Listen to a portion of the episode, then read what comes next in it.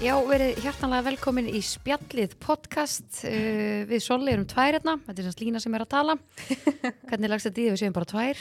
Herðu, bara geggja sko. Það ekki, Jú, bara gegja Mér finnst líka svo fyndi að því að þú opnar þetta á Solli. Ég fekk sko þrjár ábendingar eftir nafnaþáttinn Ok, að þú var að kalla mig Sóli.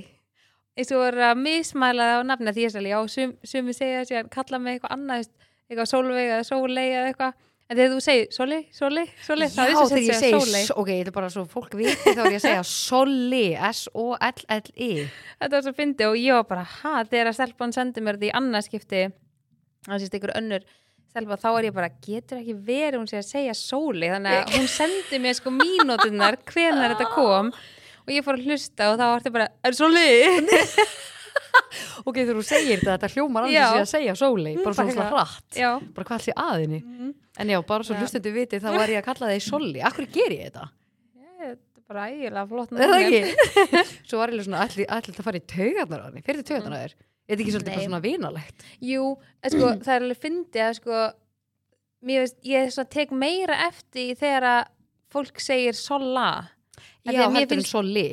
Já, sem er rosa skrítið en ég tengi einhvern veginn að því að einhvern veginn Frans byrjaði alltaf að kalla mig Solli bara í einhverju Mm. gríni. Já, og þegar fólk segir að því að gummi þinn hann segir Mhm. mjög oft Solla.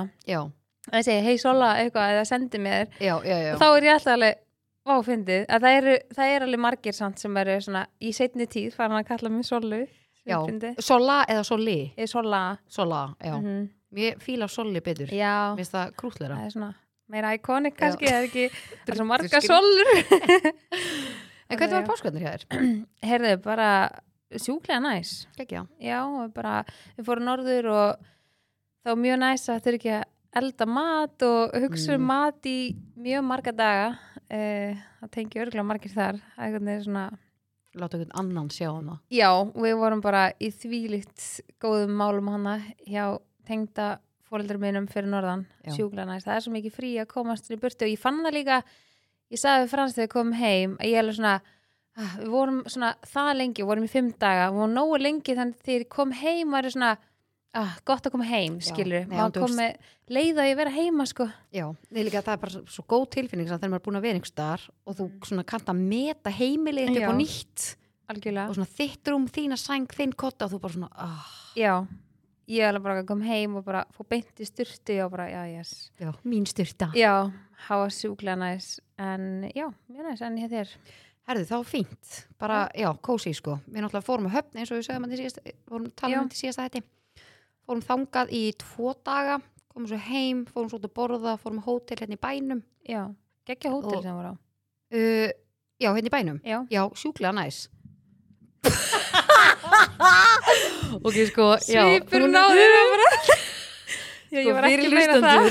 Nei, ok, sko, við fyrir kannski yfir þetta í törnofinu. Já, ok. Við fyrir yfir þetta í törnofinu. Já, við eigum þetta inni. En já, ég ger, gerði séðast greið einhvern voðalegan svip þegar ég nefndi, já, hóteli í bænum. Já, Mhm. hóteli í bænum var rosa næs. Mm Ég veit ekki það, rosa næs og hérna fóru vel um okkur. Ég held að væri óslega gaman, myndum við að fara við stelpunar sem er frá gelluferðina. Já. Að við fyrir svona gelluferð bara innanlands. Mm. og til dæmis værum, eh, innanlands, bara í Reykjavík og gista saman, Já, það var alveg gaman sko. ég er mjög til. Við erum allar til í allt. Já. Alltaf bara alveg saman hvað þið já, ég, já, er já, til. ég segi bara já. Ég minnst til í eitthvað svona að fara í sund eða eitthvað svona lagúni eitthvað. Já, já, já, já. Þú, þú segir pastar Já, ég Já. ekki mikið fan. Nei, en, en ég er til í allt annað. Já, allt bara, bara allt opið allt opið Já. mm -hmm. Við stöla það Já Hvernig hérna, þetta búin að fá steit í dag eða? Herði, já, ég, viðkynni, ég var alveg smá svona þreytt þegar ég vaknaði eftir páskafriðið. Ég var pínu svona, Þú varst líka á fullu já, við vorum á skýðum og ég, veist, já, það var, það var nóg að gera, ég, ég get alveg sagt það. Það var mjög skemmtilegt samt, en maður fann það síðan svona í morgun og svona, úff, þetta var ekki, þetta var ekkit frí frí, Nei. þegar maður er bara svona miljón og eitthvað, en ótrúlega skemmtilegt samt. En, en já, ég er búin að fá mér eitt skítkaldan í dag. Fegstu þér í morgun eða? Já. Já. Ég fekk mér líka ég, hérna, ég er að vinna svolítið núna með hérna gula, dökk gula Já, ég, ég er eitthvað með svona æði fyrir honum akkurat núna ok. ég er mikið fyrir hann Já, ég sá líka fyrir norðan að hafa til steiti í sjúklega mörgum búðum þar. Ú, Þannig að, já, bara rósa það Ég Já, var, geggja. Já. Ég er nefnilega þar, mér steitin verið detta inn í fleiri búðir. já, Ég fíla það.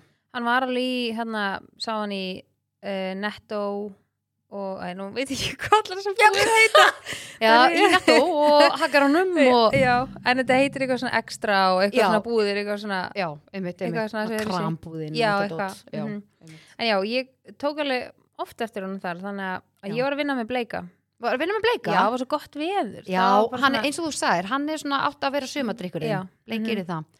En fyrir ykkur sem að langar í að smaka nýjan orkudrykk, eða nýjan, Mhm. jú, þetta er svona, manni finnst þetta svolítið svona nýlegt. já, Er það er það sem ég ekki pröfa allan Já, að hérna að eh, skellið ykkur á State Energy þeir eru sjúglega góðir og líka bara við getum lofa ykkur því að þeir finni fyrir jafnari orku heldur en af öðrum orkudrykkjum Já.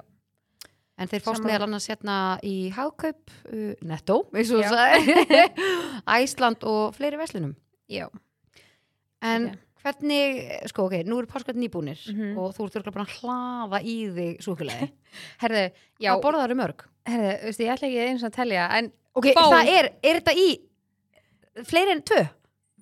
Sko, ok, sko ég ætla að reyna að útskýra. Þegar maður er ekki heima hjá sér Já. og þá er maður einhvern veginn miklu meira af hverju allt gyrnilegt sem maður kaupir ekki sjálfur?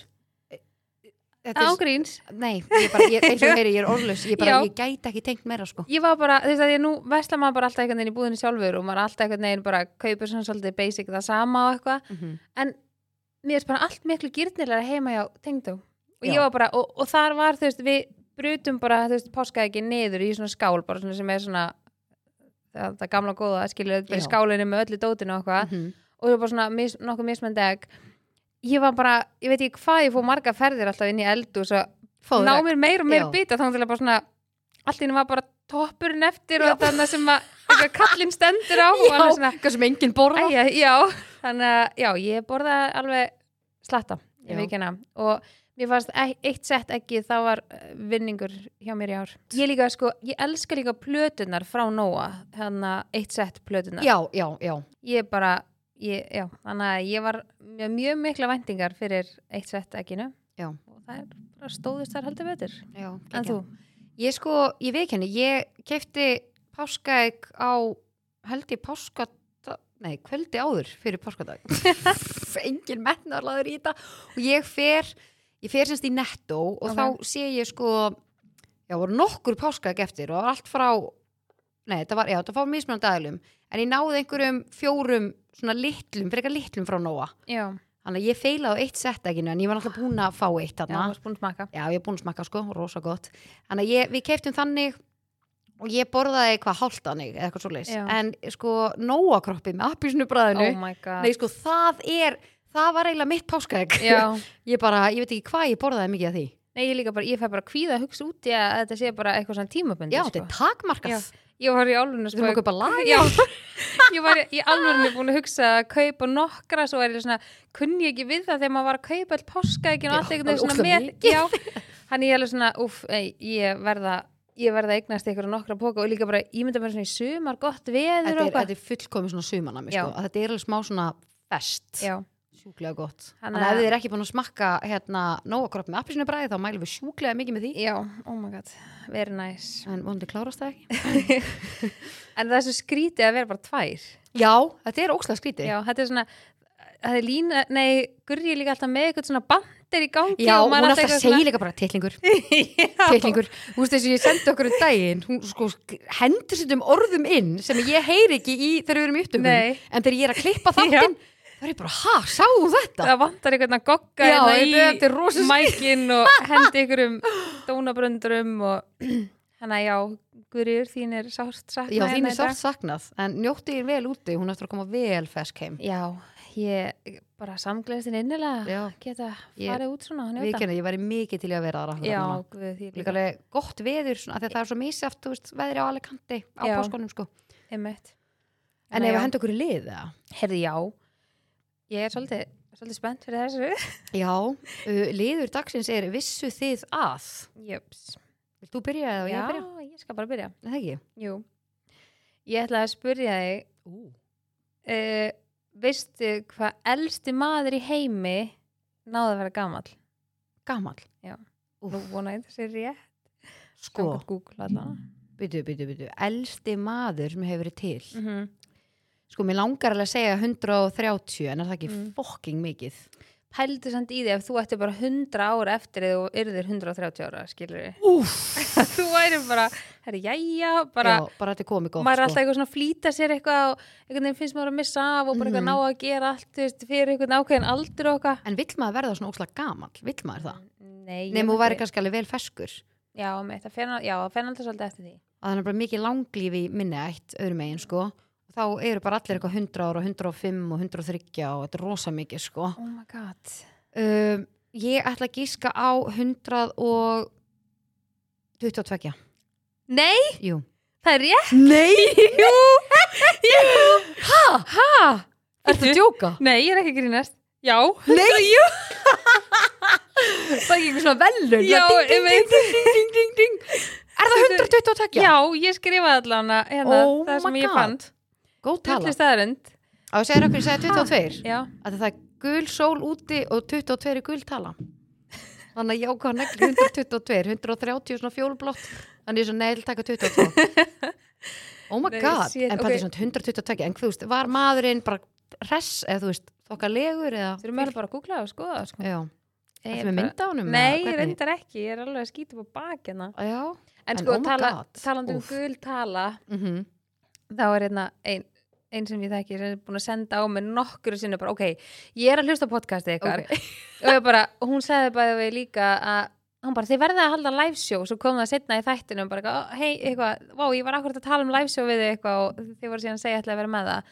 En hérna, hún er síðan búin að senda nokkur sinnum út að hérna, þegar þið sjáu svona í litum. Já, og hún er bara, ég er bara ekki að ná þessu. Og ég er bara að spurja mig og ég bara, heyrðu, þú ert að spurja vitlis að manneski, Já, ég er get ekki okkur. já, hún bara, er þetta svona það að sjá? Ég, alveg, ég veit það ekki. Já, Þannig að, en já, og þá kom hún reyndar ástæðan fyrir að segja frá þessu, er að því hún kom með ógstað skemmtilegt, hún er sko búin að vera að googla þetta, að henni finnst já, þetta svo áhugavert,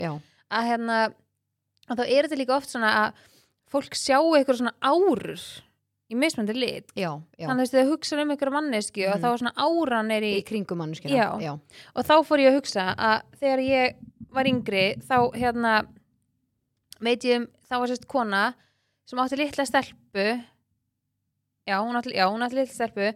Og stelpan horfði aldrei í augun á mömmu sinni, hún horfði alltaf svona fyrir ofan hana og oft gera þú veist unga börnirna, Mhm. þú veist þegar þau eru svona ekki farin að ná auksambandi og sjá oft kannski bara svona mikinn litamuna hári og vegga eitthvað svona, svona svartkvít eitthvað. Mhm, en þetta var bara, þú veist, barni var alveg orðið eitthvað þryggja fjörur og eitthvað, alltaf horfði stelpan bara svona fyrir ofan mömmu sína. En- en aðrir áttu alveg auksa, auk, hérna, kon- kontakti við hana en aldrei mamman. Og hérna og henni bent á að fara með hana til ykkur svona miðil svona, Já, sem að myndi já. mögulega geta þú veist, eitthvað, vitað. Og þá sem sagt, segir sérst, og, já, og ástæðan fyrir því að hún fyrir með hana til svona miðils er því að stelpan segir þegar hún er komin nóg mikið þroska hún sjá alltaf eitthvað bleikt ljós fyrir ofan mömmu sinna ok, what? Já, og þá er henni bent sérst, að fara með hann til miðils af því það tengist ykkur svona að þú sjáur eitthvað svona Mhm. eitthvað meira en kannski aðrir.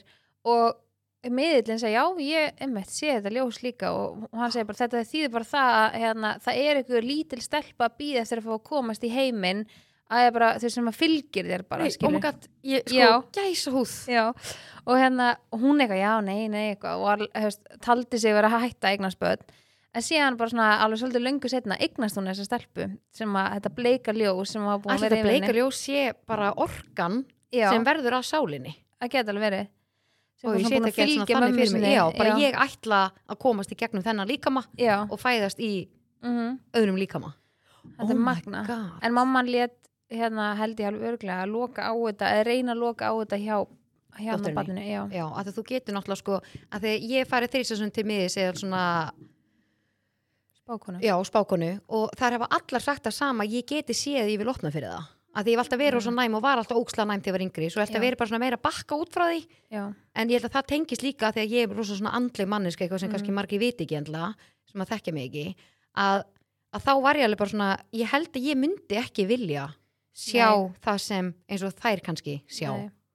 ég held að sé líka sko, ef maður hefur ekki séð þetta bara frá því að maður mann eftir sér og Mhm. þekkir kannski ekkert Mhm. annað að þá er þetta svona skrítið að fara að læra inn á eitthvað Já. svona að láta opna fyrir já. setna Mm en já, nei, mér finnst þetta mér finnst Þetta þetta sjúkla áhugavert sko Mhm. og þetta, þetta er svona pínur hræðir mig að ég fæ oft svona eitthvað svona tilfinningu fyrir Já, ykkur ég sé ekki neitt. og, ég, Mhm. og, og Mæsól var sjúkla næm sko Þegar hún var yngri já, Já. og ég alveg íhuga að láta eitthvað svona aðtöðu þetta að því að hún bara svona það bara svona var ákveðið fólk sem að gæti ekki haldi á henni þú veist hún bara alveg styrlaðist en Já. hún var engin mannafæla samt og það fólk einhvern veginn síðan svona er fólk sem að ef maður getur sagt sveik okkur á einhvern hátt skiluru á já. ákveðnum tímapunkti og líka bara það að að við fórum einu sinni með henni í sumabústa þegar hún var sko bara eitthvað átján mánu eða eitthvað við gistum í sumabústa fyrir norðan og, og hérna bara leiðum við komum inn í bústæðin bara trillist hún.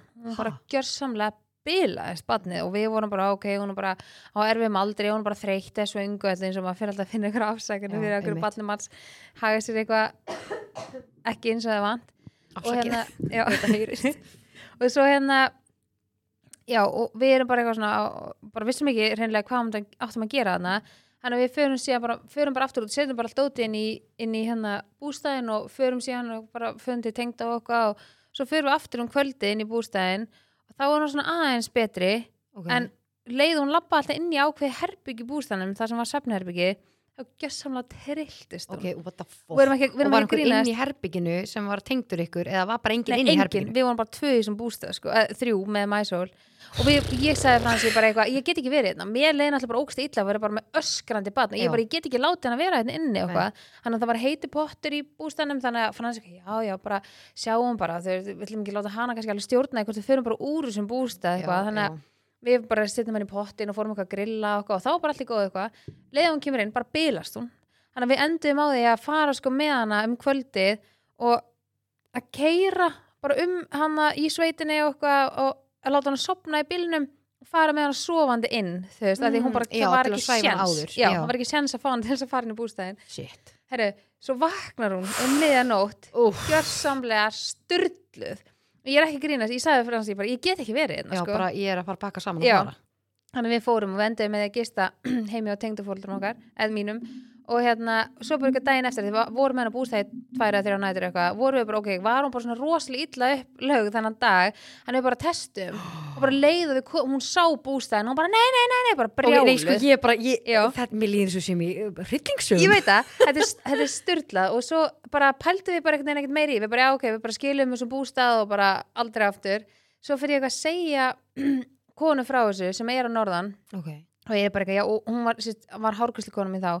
ég er bara eitthvað að segja henni þetta bara, ég bara skildi ekki, þetta var rosa skrítið og hún bara býtu var þetta hana á þessum stað? Nei. Jú, og, nei, og nei, ég nei, alveg- nú, nei, nú degi. já, og ég alveg, já, eitthvað, og ég, þetta, er, ég, þetta var svo hræðileg tilfinning, sko, Hvað er þetta að fara að segja? þá var fólk hálshögg við, við á þessum stað á einhverjum fyrir mörgum, mörgum árum skiluru, bara einhverjum hundruð ára eitthvað, veit ekki, og það er sérst komni sumabústæðarlóðir þarna og það er fullt af fólki sem bara getur ekki verið og ég bara shit hann að, var mjög feinum að hefur bara farið úr þessum bústæði, því að Mæsól bara var það næm, skiluru Var fólk háls? Já, og drekt eða eitthvað svona í ykkur áhadna eitthvað sem er við hliðan á bústæðanum okkar, þetta var bara eitthvað skelvilegt og þetta veist eitthvað svona, ykkur já, Já, eitthvað. endilega byggjum bara hérna sumabústæði þarna Já. og En þú veist, það er ekki bara mörg þú veist, ykkur ógæslega langt síðan. skilur veist, þetta gerist bara Eld, eld, eld, En veist, hefur þessi saga komist á stað af því að það er bara fleiri fólk sem bara finnur bara eitthvað fyrir að vera hana og bara líður svona illa, skilur Oh Enda, God. Og hún sagði eitthvað að þessi bústæður væri alveg mjög oft lausra því að fullt af fólki sem bara meikar ekki vera hana og það er bara þekkt fyrir að vera í Og svona þetta er svo haunted house. Mhm. Oh my god. En við fundum ekki neitt, sko Nei, nei, nei. En við líka, gá, okkur gafst eða ekki tæki fyrir á að finna neitt að Nei, Þú veist, ég valla sko, tók töskunar inn í bústæðin sko, Já. því að hún bara var alveg trill Shit. greið, sko Já. En síðan þá hefur þetta svona Er þetta búið að vaksa hans af henni? Já, Já. hún bara svona vaknar á nóttinu oft eitthvað svona og er bara eitthvað að babla og ég er bara, ómaka, þetta er bara eitthvað, er hún að tala við eitthvað eða er hún, er hún að Hún er dreyma, svakalig, náttúrulega þegar hún er svoandi. Eða þú veist, þegar að lappa og... Nei, manstu þegar þú varst og hún Nei, stóð í líka- rúminu Já, nei, ég var líka bara, byrju, byrju, er þetta grín eða? hún er svakaleg, sko en maður er orðin svona vanuð, ég fyrst Já. fannst mér þetta ógeðslega creepy Já, ég skil og ég vaknaði til þessum páskana og var eitthvað svona eitthvað, eitthvað læti í herbygginu við hliðin og ég bara, ó, ok, já, Já, já, er maður alveg svo vöknuð. þorn að Já, babla. fyrir við, þá stendur hún einmitt í rúmunu sem hún Já, svaf hún í er bara sofandi. og, bara, Já. og standandi eins og eitthvað vofa Nei, eitthvað, þetta er alveg, þetta er alveg creepy, sko. já, og og þetta er alveg, en maður er alltaf svona uh, já. og ég kannski snými viðin í þótt á þessu eitthvað á nóttin eitthvað, sent á kvöldin eitthvað þá stendur hún bara fyrir aftan mig Og bara, ég- og ég alveg- ekkert í nei, henni nei, og ég er bara, hvað það að gera Já. en já, hann ég vona að Ég þetta endist af henni elska að fara í svo, að því máli, ég er svo, ég svo ókslega hrætt manneska, ég Já. hrætti fokkin allt sko, mér bregði við öllu og allt, en mér finnst þetta bara smá grípi að tala um, Mm. þú ert alltaf að hlusta á hvað morðkasti eða eitthvað svona, já, íllverki, já illverkja á hann Mhm. podcasti, ég bara myndi held ég ekki höndla, sko, litla hjarta mitt, ég er þið bara, nei, en sko, ég er meira hrætt við svona drauga og eitthvað en, ég, elska samt að, veist, fara yfir svona var, ég er meira svona mér, það sem ég er að hlusta í illverk er meira svona af hverju ákveði fólk er með ákveðna hegðun skilur, já, þú veist, hverju er morðingin morðingin, já, þú veist, að hún fer svo vel í þú veist, bakgrunn hjá fólki já, já, og í aðstæður og bara af hverju gerist þetta? Þú veist, af hverju, það er enda fórveitnilegt, já, og hún tekur oft saman bara svona, eins og með þennan aðila og þennan og þennan, Mm. þá eiga þetta allt sammeilegt og oft þú veist, er eitthvað svona sem að verður í æsku hjá fólki sem að verður til þess eins og bara þungt höfuhögg, þú veist, uppeldi bara aðstæður mér finnst það bara geðveikt áhugavert, ég er bara eitthvað það er eitthvað og svo ég þarf eiginlega- sálfræðilegt. ég þarf ég þarf að tjekka á þessu. Já, að því að maður er meira ekki, þetta er ekki eitthvað svona oi, þetta er ógeð Já. og ég þór ekki að vera einn heima. Nei, nei, ok, ok. Ég get það ekki, sko. Nei, ég ég held þú væri bara í því alltaf daga og ég bara eitthvað, já, næs mér finnst bara geðveikt áhugavert að vita bara af hverju fólk haga sér svona eitthvað svona persónaenginu, sko. Já, einmitt, einmitt. En ég get ekki svona draugasögur eða hryllingsmyndir og uh, það var einu svona vinkona vinkonu minnar Mhm. sem er svona skikk Já. segir maður það ekki, skikk, hún er skikk að hérna það er eitt, ég ætla nú ekki að nefna, hó, nefna hótelið Nei. en hún sá, þetta er svona gamalt hótel Reykjavík ok, og hún sá sko, það er búið að gera það upp allt núna og okkur svona, en ég hugst alltaf er keiri framhjá en þá saði vinkona mín að þessi vinkona hennar hafi alltaf séð eitthvað svona ákveðna púka fyrir utan mm. svona meðfram hótelina sem svalinnar eru Oj. og, og ég eitthvað svona púka? Þú veist bara, það er ekki eitthvað minna skrítið. púka? En þá er þetta eitthvað svona eitthvað neikvætt skilji, Já. sem að hún sá. Hann að hún, hún getur aldrei farið þangað og ég bara, og í hvert einasta skipti sem ég keira þetta framhjá, sem er mjög oft það er ég bara eitthvað, það eru púkar en þetta er amazing sko. Shit. þannig að, Já, já, þetta er er mjög að, getið tekið einhvern þátt með svona draugasögum með já, eitthvað svona ég til, eitthvað svona, einhverjum aðstöðum sem við þekkjum að einhver hafi lendi í eða sagt Já. eða maður sjálfur. Það er, það er mjög áhugavert sko. Mann finnst líka gaman að heyra það mann vill samt ekki heyra það en mann er samt alveg, ég forvitin veit það og maður er bara, ég er bara gæs og hún sko. en en já, hérna já, Þitt við erum vist í vissu þið að smá útutúr en ok, sko vissu þið að, eða vissu þú Solon Mhm. Já. og þið sem eru að hlusta að líkamann okkar, hann lætur okkur hnerra þegar hann skinjar eitthvað í nefinu sem á ekki að vera þar en þetta getur verið bakterjur, óhreinindi rík, mikla, frjókotn eða reykur eða eitthvað svoleiðis en oftast er þetta eitthvað svona kýtlandi eða eitthvað svona óþægilegt fyrir nefið og svo stuttaði setna hnerfið mm.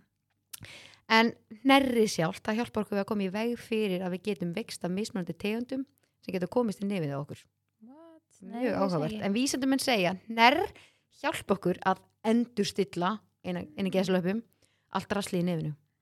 Áhugavert. En við finnst þetta svona amazing. Já, ég heyri Gurri fyrir mig segja er það ekki eitthvað svona fullnæðinga dæmi Já, nei, nú kem- nú myndi koma hún eitthvað.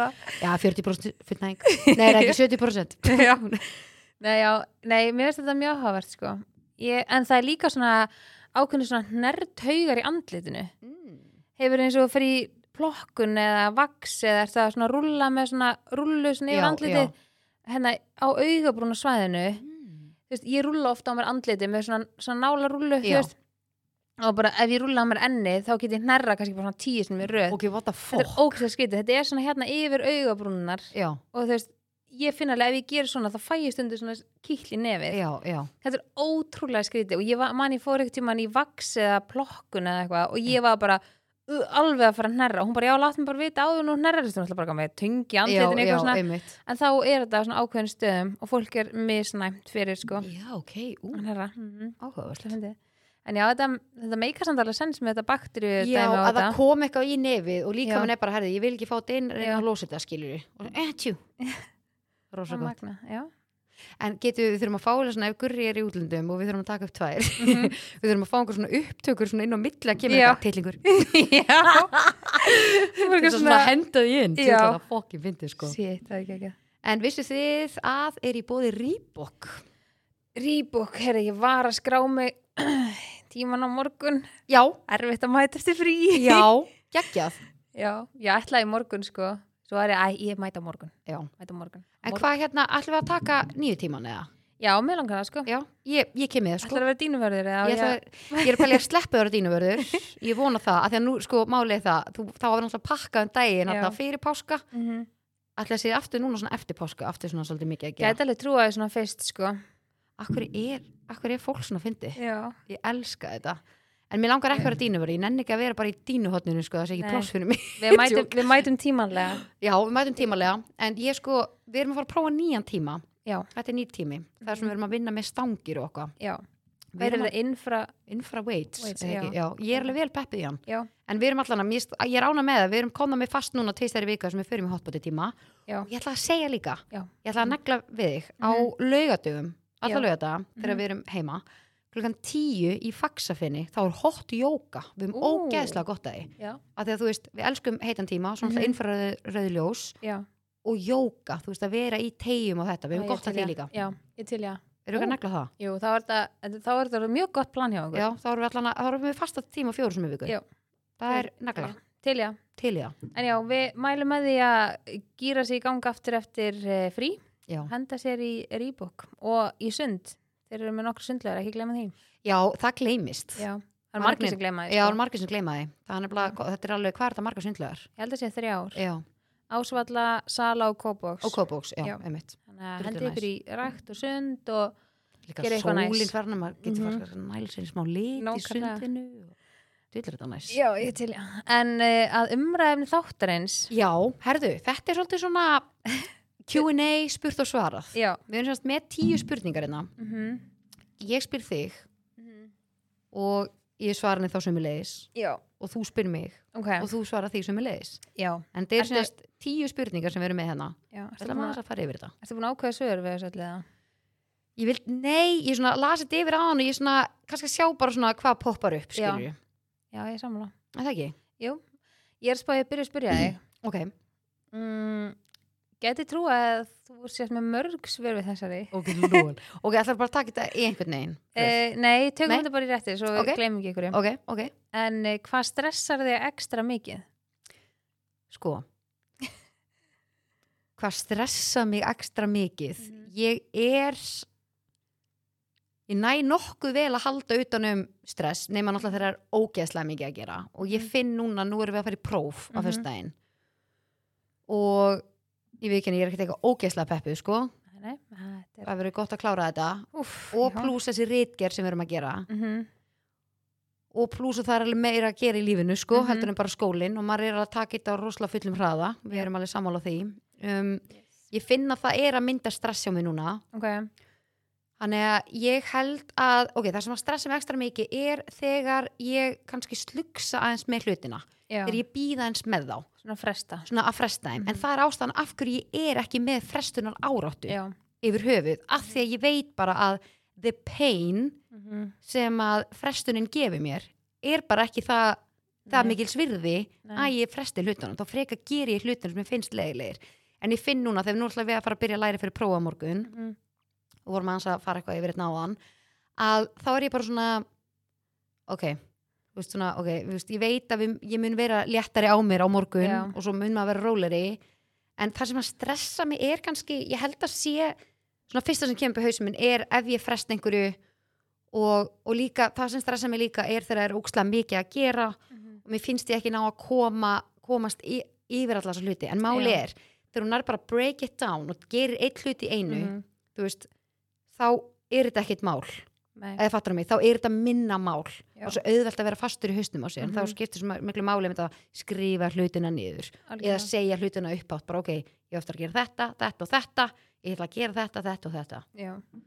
ég held að það Já. sé svona en hjá þér Ég get alveg tengt við þetta sko en ég held sko að fyrsta sem ég hugsaði var að eitthvað sem stressa mig ókslega mikið eru bílar og börni mín já, það er bara eitthvað sem að ég, þetta er bara svona, gæti flokkast sem eitthvað svona þráhyggja held ég bara sko má ég spyrja með bíla mm ertu þá að tala með hann bílar og þú fær svona Nei bara einhver bara keiri á þau eða já, þannig, veist, ok bara svona í umferðinni eða eitthvað keiri í hliðin á mér eða mm. ég er bara svona sjúk ég er með svona sjúkan ofs, sjúka ofsarhæðslu tengt bílum Er það eftir óast mamma?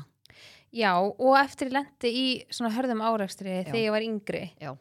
það, já, en já, þetta er mjög mikið svona mömmu tengt sko en ég líka, ég til dæmis bakka bílunum alltaf í stæði fyrir utan Mhm. heima Já, það er bara því er að Já, og þú veist, fólk heldur ykkurlega, þessi nágrann minni eru ykkurlega bara eitthvað, jæja, þú veist, það er alltaf, Alltaf að bakka alltaf að bakka, en ég einhvern veginn, annar er náttúrulega þarf að vera bakkaður að því hann er í hlæðslu, Já. bílinn sem frans alltaf á, en ég bakka mínum alltaf líka að því að, já, bara þú veist, þá sé ég skilur því ég keiri út úr stæðinu að Já. það er enginn, veist, þetta er ekki endilega kannski tengt börnum mínum, en ég er bara eitthvað svona, bara til þess að maður sé kannski bolt að koma Mhm. og maður er bara shit, shit, shit, Það er náttúrulega fylgir þú alltaf eitthvað batn já, sko og eftir bolta kemur Já, barn að þú veist, mhm. bara er ekki allir að fylgjast með og þú veist, kannski hræðisla mín er líka bara það að þú veist, eins og núna fyrir að vera gott viður og það er, ógst mikið af börnum núna farin að vera út að hjóla Já. og á sem raf hlaupahjólum og bara leiði á snjórinu farin þá sé maður bara alla á raf svona hlaupahjólum og, eitthvað og út að leika og ég hugsa bara svona fólk í dag er bara svo sjúklega mikið símanum undir stýri Nei, sko, þetta er alveg, þetta er alveg. Hva, og, og, sko, og svo með tónlistin í botni. Þannig að þú skinjar umhverfið Já. í kringu þig og líka bara þú veist, með, þú veist komu allar þessar ramaksbíla þá heyra börnin ekki eins mikið umhverfisljóð Nei, það bara heyrist ekkert í Nei, og svo fyrir utan það eru þú veist, ákveðin hópur skilur bara alltaf með eitthvað í eirónum, þú veist, eitthvað tónlist eða eitthvað og Já. bara þannig umhverfisljóðan hjá þeim er líka farið Já. þannig að þetta er bara svona, þetta hræðið mig sjúklega og ég hef alveg sagt núna, við erum svona þrjú ára eða eitthvað ég er alltaf sett á Instagram bara eitthvað nennum við bara plís öll að vera meðvita um að þú veist, nú er bara komið gott við og það er ótrúlega mikið að börnum út að leika sér, þú veist en maður þarf alveg að vera vakandi fyrir þessu, það er minna af þessu á vetunar, þú veist, sem betur fyrir að því þá er færðin erfiðari, skilur Mhm. En þetta bara hræði mig ekkert eðla mikið sko. og þú veist, ég er alveg bara mamman sem ég bara startu við bílinn, ekki fara skilur við bara, En það er líka gott þá að börnin læri það. Já og þú veist, ég bara svona já, ég veit ekki, þetta hræði mig bara sjúklega mikið og bara við vorum á leiðin heim á norðan í Ég tengi við þetta. Þetta Já. er bara, þetta er, þetta er en þetta er báka ég tengi við ekki þetta. bara við mín börn af því að við erum að keira bílastæði á, hjá svona hérna, stoppi skilur við erum á leiðin í bæinn á norðan og þá kemur barnar bara hlaupandi bara þvílíkt hratt, þú veist, kannski svona þryggjára barna eitthvað.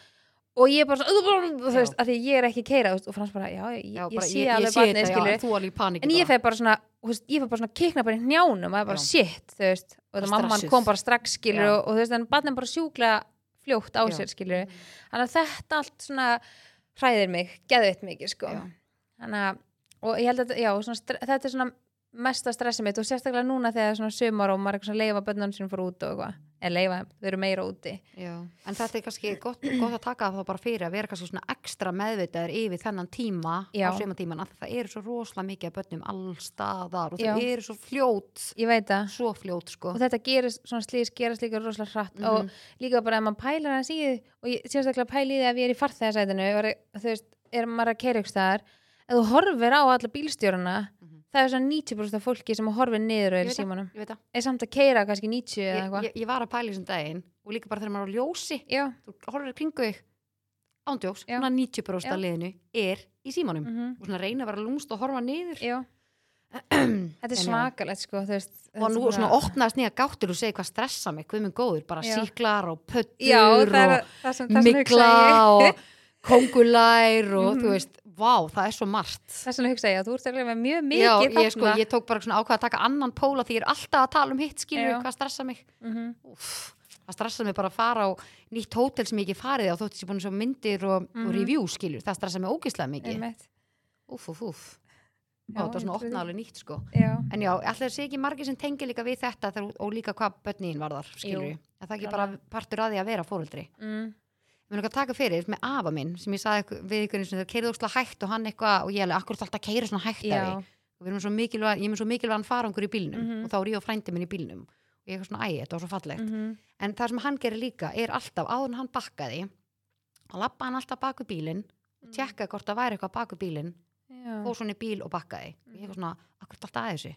Alltaf bara, þú bara komið í veg fyrir ég sé að fara að bakka á eitthvað. já, mitt já, ég, Svona að gefa þessi tíman að það getur verið hvað sem er á bakvið skilu, þú Já, maður veit það ekki. nákvæmlega Þannig að, góðu punktur. Já, þetta er, þetta er, maður getur alveg talið margt upp þarna Mhm. en þetta er svona fyrsta sem að þetta er kannski svona daglega sem að stressa mig já, skilur. já, einmitt, svona Bara- sem þú bara- finnur fyrir þegar barnið mitt hjólar heim úr skólanum eða í skólan og ég er bara eitthvað ah, bara Já. ofanda sko. Mhm, og ég held að þetta er eitthvað, eitthvað sem ekki þetta að fara sko. bara, Nei, ég get ímyndað mér að þetta sé eitthvað sem að fyrir bara í flesta fóreldra já, ég hef alveg Ég líka alveg þurft að ræða þetta fyrir sálfræðingi minn sko. þetta hefur alveg það já. mikil áhrif sko. einmitt en þetta er bara partur af lífunu Spurning tvö, mm -hmm. ég að spyrja þeim Hvað getið þú ekki fyrirgefið? Ég finnst þetta mjög góð spurning Mhm. Hún er svolítið hard Já Sko Ég gæti ekki fyrirgefið um, svona ítrekuð svik Já. skilja mig þú veist, þegar, einhver er ítrekað að reyna að ná þig niður eða ítrekað að reyna að þau svona upphefja sjálfan sig á kostna annara eða svona þetta er líka kannski bara partur af svona að því að mér finnst umburðalindi bara eitthvað sem að á að þú veist fólk þarf að vera með mjög gott umburðalindi fyrir náunganum skilur þú veist að því að kannski að Já, þú veist, þannig að ef þú ert alltaf, þú ert það sjálfselskur að þú ítrekka brýtur á öðrum til þess að upphæða sjálfa þig og láta þér líða betur skilur og berði ekki virðingu fyrir náunganæðinum það, mynd, það er eitthvað sem ég myndi ekki geta fyrirgefið Já. saman hvort það er í vináttu eða maka eða mismöndi samböndum en til dæmis eins og svona ég oft talaði um alvöru pappa minn og, og þá fjölskyldu og það var svona ítrekka svona verið svona ítrekku svik skilur Já, bara aftur, aftur, aftur. Já, ekki frá bara einum aðeila og þá, þá einhvern veginn svona verður maður svo ógeðslega sár, ég veist, ég myndi ekki segja ég væri reið, Mhm. en ég lendi í þessu tviðsessunum í, í gegnum um, mína æfi að þú veist, frá svona tveim mismunandi aðtökum að þú veist, ég verð ekki reið ég verð bara svona ógeðslega sár og ég hugsa bara svona þessi manneski á bara ekki skilið að, að fá að hafa mig og það sem að fylgi mér í þeirra lífi, skilur Mhm, mhm. þannig já, ég myndi segja svona ítrykku svik en ég er ekki eitthvað svona framhjáhald. Nei, Af því ég myndi ekki segja það, þú veist Kom Þetta- þetta, ekki líka, fyrsta er alltaf bara framhjáhald En máli er, en máli er þetta er dýbra Já, þetta er dýbra og líka sérstaklega sem er framhjáhald Nú er ég ekki með framhjáhaldum, sko, ég er Nei. ekki að segja það Nei. En það getur verið svo alls konar Hvað segir maður? Svona alls konar hliðar á því að fólk getur alveg fyrirgefið það já, En svo geta aðrir ekki fyrirgefið það. Ég held að það sé Nei. bara svolítið svona Það er bara rosalega persónubundi fyrir hvern og einn. Já, og það er líka held ég fer bara svo ótrúlega mikið eftir sambandar sem fólk hefur. Já, 100% en, sko. þú veist, en aftur, þetta myndi alveg líka svolítið eiga við um það ef að það væri ítrekka haldið framhjá Já, góður, skilur það er náttúrulega bara guð, einhver væri bara rík halda, þú væri bara eitthvað herri, já, búin að reyna að gefa þessi Já. ansönda en já, þetta er meira svona þegar ekki bara eitthvað sem kemur fyrir einu sinni Nei, af því að ég er alveg mjög svona gefur the benefit of the doubt. Já, og ég, og ég er alveg manneskja sem er tilbúin til þess að fyrirgefa Mhm. og mér finnst það alveg svolítið vanta í okkar svona samfélagi í dag að þú veist, fólk sem hefur mistið sig, Já. það á bara ekki afturkvæmt þó svo, þú veist, er, er bara fyrirgefning bara ekki lengur Gild. partur af okkar Já. samfélagi, Og sína plús að það líka og sérpuna eðrast að það mér finnst þetta Já. núna bara sem er í gangi núna, ég skilur það er allir nefar rosa kraftir og það er mikil reyði í samfélaginu gagvart öllu sem er alltaf bara gott skilur. mismunandi málefnum, Já, al, algjörlega Já. og við þurfum bara svolítið að ná lendingunni Mhm. og vita hvernig við tæklum og hvernig við hegðum okkur en mér finnst þetta mjög góð punktur að því að sko nú líður mér eins og ég sé á sprengjusvæði með því að vera að tala um þetta sko en mér finnst bara einhvern veginn einmitt eins og þú segir, þú veist, ef fólk svo spyr maður, ok, er nóg að byggast afsökunar og sína að þú yðrist einhver sem Mhm. þú hefur gert, að því að máli er að það eru svo margir fljótir að benda á að þú, þú, Mhm. þú, í staðan fyrir svona, ok, við erum öll að læra, við erum öll búin að gera mistök, við gerum Right. öll mistök Já, og mér finnst það svolítið gleymast, þú veist, Já. í, nú er ég ekki að tala um ákveð nú er ég ekki að tala um eitthvað ákveðið málefni, guðmur góður og það er rosalega margt sem á rétt á sér og allt þetta, ég er ekki að segja Nei, að þetta við er erum ekki ekki rétt að á sér tala um sko. eitthvað ákveð við erum bara að tala um bara almennt yfir höfuð, Já. þannig að mér finnst svona já, ég er svolítið spenntur að ná um sér lendingu Mhm. og fólk svona Við lær- lærir já og við svona við nýtum alla allt sem hefur að gerast Já. í eitthvað skonar bara svona forverð já, bara meiri algjörlega, svona meiri vit- kunnut á þetta já, já, þannig að já, ég myndi segja að ég mjög, þú veist, ef þú myndir brjóta einhvern, veginn á mér, skilur Mhm.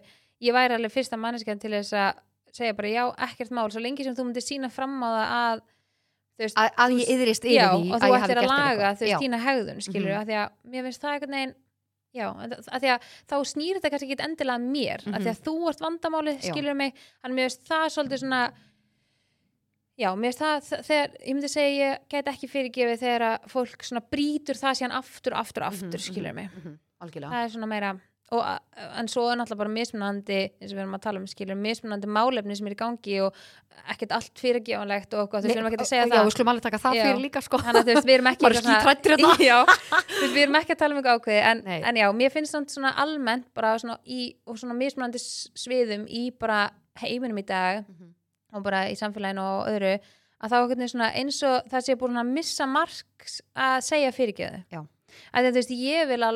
Já. að að þú veist, kenna börnunum mínum skilur að þau segi fyrirgjöðu að það hafi ákveðna merkingu Mhm. þú veist 100% ekki bara alveg svo þú segir ekki hvert sem er bara, ó ég elska þig, Já. skilur það þarf að hafa ykkur merking og þessi mo- orð með ekki vera notið og það ofti á mismunandi hátt skilur að þau missi mark mark skilur þannig að já, ég myndi segja það Já, ég er nefnilega mitt er mjög svipað okay. Ok. það sem ég hugsaði er að sérstaklega eins og við vinu minn, einhver Mhm. góðu vinu minn af því að þú veist, maður á marga góða vini og það sem ég hugsa alltaf, ok, veist, ég vel mér ekki fjölskyldu en ég vel með vini já, ég stjórna 100% hver er í kringum mig Mhm. þegar kemur að vinunum mínum og, og ég passa líka upp á það með hverjum ég eigði tíma og, með hvern, og hvernig ég vil vera að spjalla við og hvernig ég vil tala við að ég er svona, ef vinu minn færi bak við mig Mhm. á einhvern hátt að, og ok, allt er lægið ok, ég ætla ekki að segja allt er lægið þú gerir það en ég er einmitt fyrsta mannskjan sem myndi bara svona, ok, þú kemur tíminn, segjum þú myndi gera eitthvað bak við mig og ég veit ekki, ég er ekki beint með dæmi en það getur verið alls konar já, og þarf þetta óna gjörðir þínar. Já, að þú myndir alltaf henni koma bara ekki lína, þú veist, og ég myndi bara konfronta og segja bara, herðu, svolítið, akkur ást að þessu, skilur Mhm. og þú bara ekki lína, ég alveg mér líður svo óksla illa yfir þessu og þú myndir sína mér að þú Já. myndir sjá eftir þessu og vilt læra og myndir byggast fyrirgefningar ég var einmitt allt, alltaf fyrsta mannskjan til þess að Mhm. Fyrirgefa þér já, svo lengi sem að það endur taki sig já, ekki. nákvæmlega. Að þeim mist það svona, þá er það komin í eitthvað meira vandamál, þá Já. er ég ekki vandamál þú Já. ert pjúra vandamál sko. er þannig að ég held að þetta sé svolítið svipað hjá okkur þarna. Og líka bara svona ef þú gerir eitthvað mistök skilur já, líka ef þú gerir eitthvað svona mistök skilur að vera fyrri til og segja bara, heyrðu, já, Já. þetta er staðan að því að hlutinu verða bara verra og verri því lengur sem tíman líður nefnir líka á frétt eitthvað. Já, áður en þú kannski myndir segja mér það mm þá er maður bara svona það svíður, -hmm. það svíður. Já, ég er sammála. Heyrðu, næsta spurning er uh, trúir þú á sálufélaga? Finnst þetta mjög góð spurning. Mm -hmm. sko, spennt að heyra. já, sko, máli er að ég, ætla, úst, ég gæti fara óslega djúft í þetta en ég Mhm. ekki að gera það sko, sálufélagi fyrir mér, já, ég trúa það Já. en ég trúi ekki að maður hafi eitt sálufélag ég er Nei. ekki sammála því og Nei. þegar fólk segir bara ég hef fundið the one ég trúi ekki að the one sé til fyrir því að það eru til margir the one innan að þú segir þú veist, þótt að þessi hendi er ókslega vel þá er rosa margir sem myndi henda líka ókslega vel já, en sko máli er að sálufélagi getur líka verið að því bara, þú veist, sálunar eitthvað ná bara svo ógisla vel saman og það er eins og þau séu bara eitt og þú er bara svona wow, þetta er eitthvað svona completed, skilur Mhm. en ég trú ekki, ég trú að það sé til en ég trú ekki að sé bara eitthvað the one, nei. Þannig að ég held að það sé svona mín mm -hmm. stutta mitt stutta svar við þessari spurningu. Ok. En þú, Áhugavert. Já, ég, ég er sammála sko, ég, ég trúi á sálufélaga. Um, en ég mitt sko en ég held sko, þegar ég hugsa um þetta þá held ég kannski að sálufélagin sé kannski ekki endilega þann sá sem er besti fyrir þig nei, ég var í Nei. sambandi þá wow, alveg þetta er svo Mhm. geggjaður punktur bara, sko, það getur verið að tengingin er Já. bara það sterk Mhm, en þið eigi kannski ekki saman já. í, hvað segir maður, raunveruleikunum Mhm. eða hvernig er það, bara, bara í sem daglegu lífi í daglegu lífi, já. en sálufélagi getur, þetta er geggjaður punktur já. þannig að ég það er svona já, mér, það, ég held að það sé svona svarið mitt. Ég trú á það, já, svo þegar þú segir að þú veist maður getur alveg átt marga sálufélaga. Mm -hmm. mér finnst það mjög áhugavert, ég hef ekki pælt í því. Mhm. en ég einhvern veginn svona já, ég, en, ég hef alltaf einhvern veginn fengið svona tilfinninguna að bara eitthvað sálufélag er ekki endilega sá sem að þú átt eitthvað að enda með. Nei, Þú veist, eða þú veist, það er náttúrulega bara geggja ef það er hægt skilu Mhm, og bara ná mhm. gett vel saman og bara allt skilu en sálufélagi getur náttúrulega líka bara verið vinnur það Já. er náttúrulega ekki endur verið Nei, þarf ekki að vera parasamband sko, en oft er þetta eitthvað sagt eitthvað svona að ég er búin að finna sálufélag menn í því samingi í sam, eitthvað skonar, þú veist, tveir einstaklingar saman skilur í Mhm, ástasambandi einmitt. þannig já, uh, sálufélagar held ég að hérna, já, bara segja já trúið ég þetta er náttúrulega, ég- það var skrítum að segja nei, eða Já. af hverju ætti það ekki að vera til? Já, það náttúrulega fyrir líka bara eftir hver skilgenningin er. Já, uh, ok, næsta spurning uh, hvernig viltu láta hugga þig þegar þið líður illa? Mm, hvað svona ekki- læknar þig smá? Já, veist, hvað þarftu frá, þá er ég ætla, ætla ekki að tala kannski um frá sjálfur þér, að við náttúrulega hugum okkur sjálf, mhm, en segjum það er einhverju kringu þig, skilur, hvað gæti Frans gert, mhm. eða ég eða einhver, skilur, til þess að hjálpa þér að líða betur um, sko, það sem að hefur hendað mér best er tvent alveg ólíkt Ú. og svolítið svona er kannski pínu svona, meikar ekki sens að segja því að ég vil bæði fá mitt space og ég vil líka tala um hlutina Já. en skilur, Nei, og, bara tengi og það stundum bara svona fer illa saman skilur, Mhm, því að stund, og þá er fólk oft svona, veit ekki alveg Býtu, viltu að ég komi Já. viltu að ég fari? og með þess að eina af mínum bestu vinkonum þegar mér leiðist bara sem verst að fyrir hérna þú veist, tveimur árum einu og hálf ár síðan eitthvað, Mhm.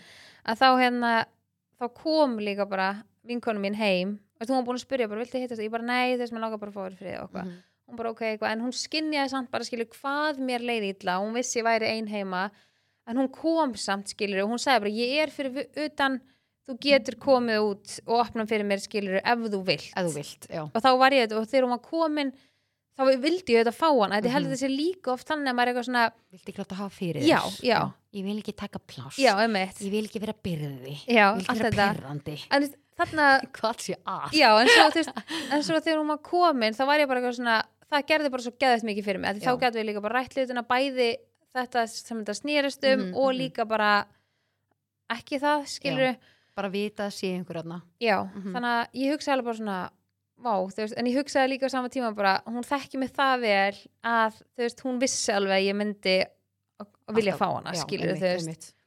Hanna, og ég var ekki eitthvað svona, nei, ég vil ekki á að gera þið ferði eitthvað, ég var actually, að, vil, veist, ég var actually bara, nei, ég vil bara fá þér í friði, Mhm, skilur, mér langaði bara ekki að tala við neitt eða eitthvað, þannig að, já, ég myndi segja það, Þannig að þetta tvent hjá þér. Já, Já. en ég þér. Ég er nefnilega sko stundum vil ég bara algjörlega fá space en það sem að lækna mig oftast alveg lækna mig er knús. Já, það er einhver svo mikill svona healing máttur í því Mhm. að þá er ég bara eitthvað ef ég er lítil eða eitthvað og gummi sér til dæmis að ég sé lítil þá er hann bara eitthvað vantaði knús. Ég bara já og þá kemur hún og tekur utanum og ég eitthvað þú veist, það er bara það er eitthvað, það, það er eitthvað við knús sem Mm. að í alvörunni ég er bara að ég er ekki mikill kúrudýr sko. Þú veist, ég er ekki eitthvað, ástu mig, viltu kúra mig. Þú veist, ég kem stundum eitthvað einan að taka þú veist, við kúrum aldrei eiginlega sko. Nema kannski við horfum með bíómynd að vera eitthvað að liggja á bringunni eða eitthvað skilur já, en, það finnst ekki pyrrandi að heyra svona hjartlátt í eirunum jú, og líka, jú, það vá, það er svo geggjaði Ah, ég punktur. þóla ekki að fá neitt yfir eirun eins og sem inn í dós.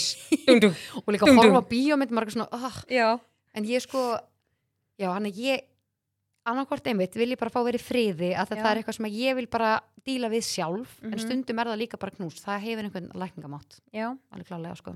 Það verður ekki tekið neitt af því sko. Nei. Þið frans eru sammála Já. hana Virkilega. En uh, mjög góð spurning hérna, hvað veit fólki lí lítið sem ekkert um þig?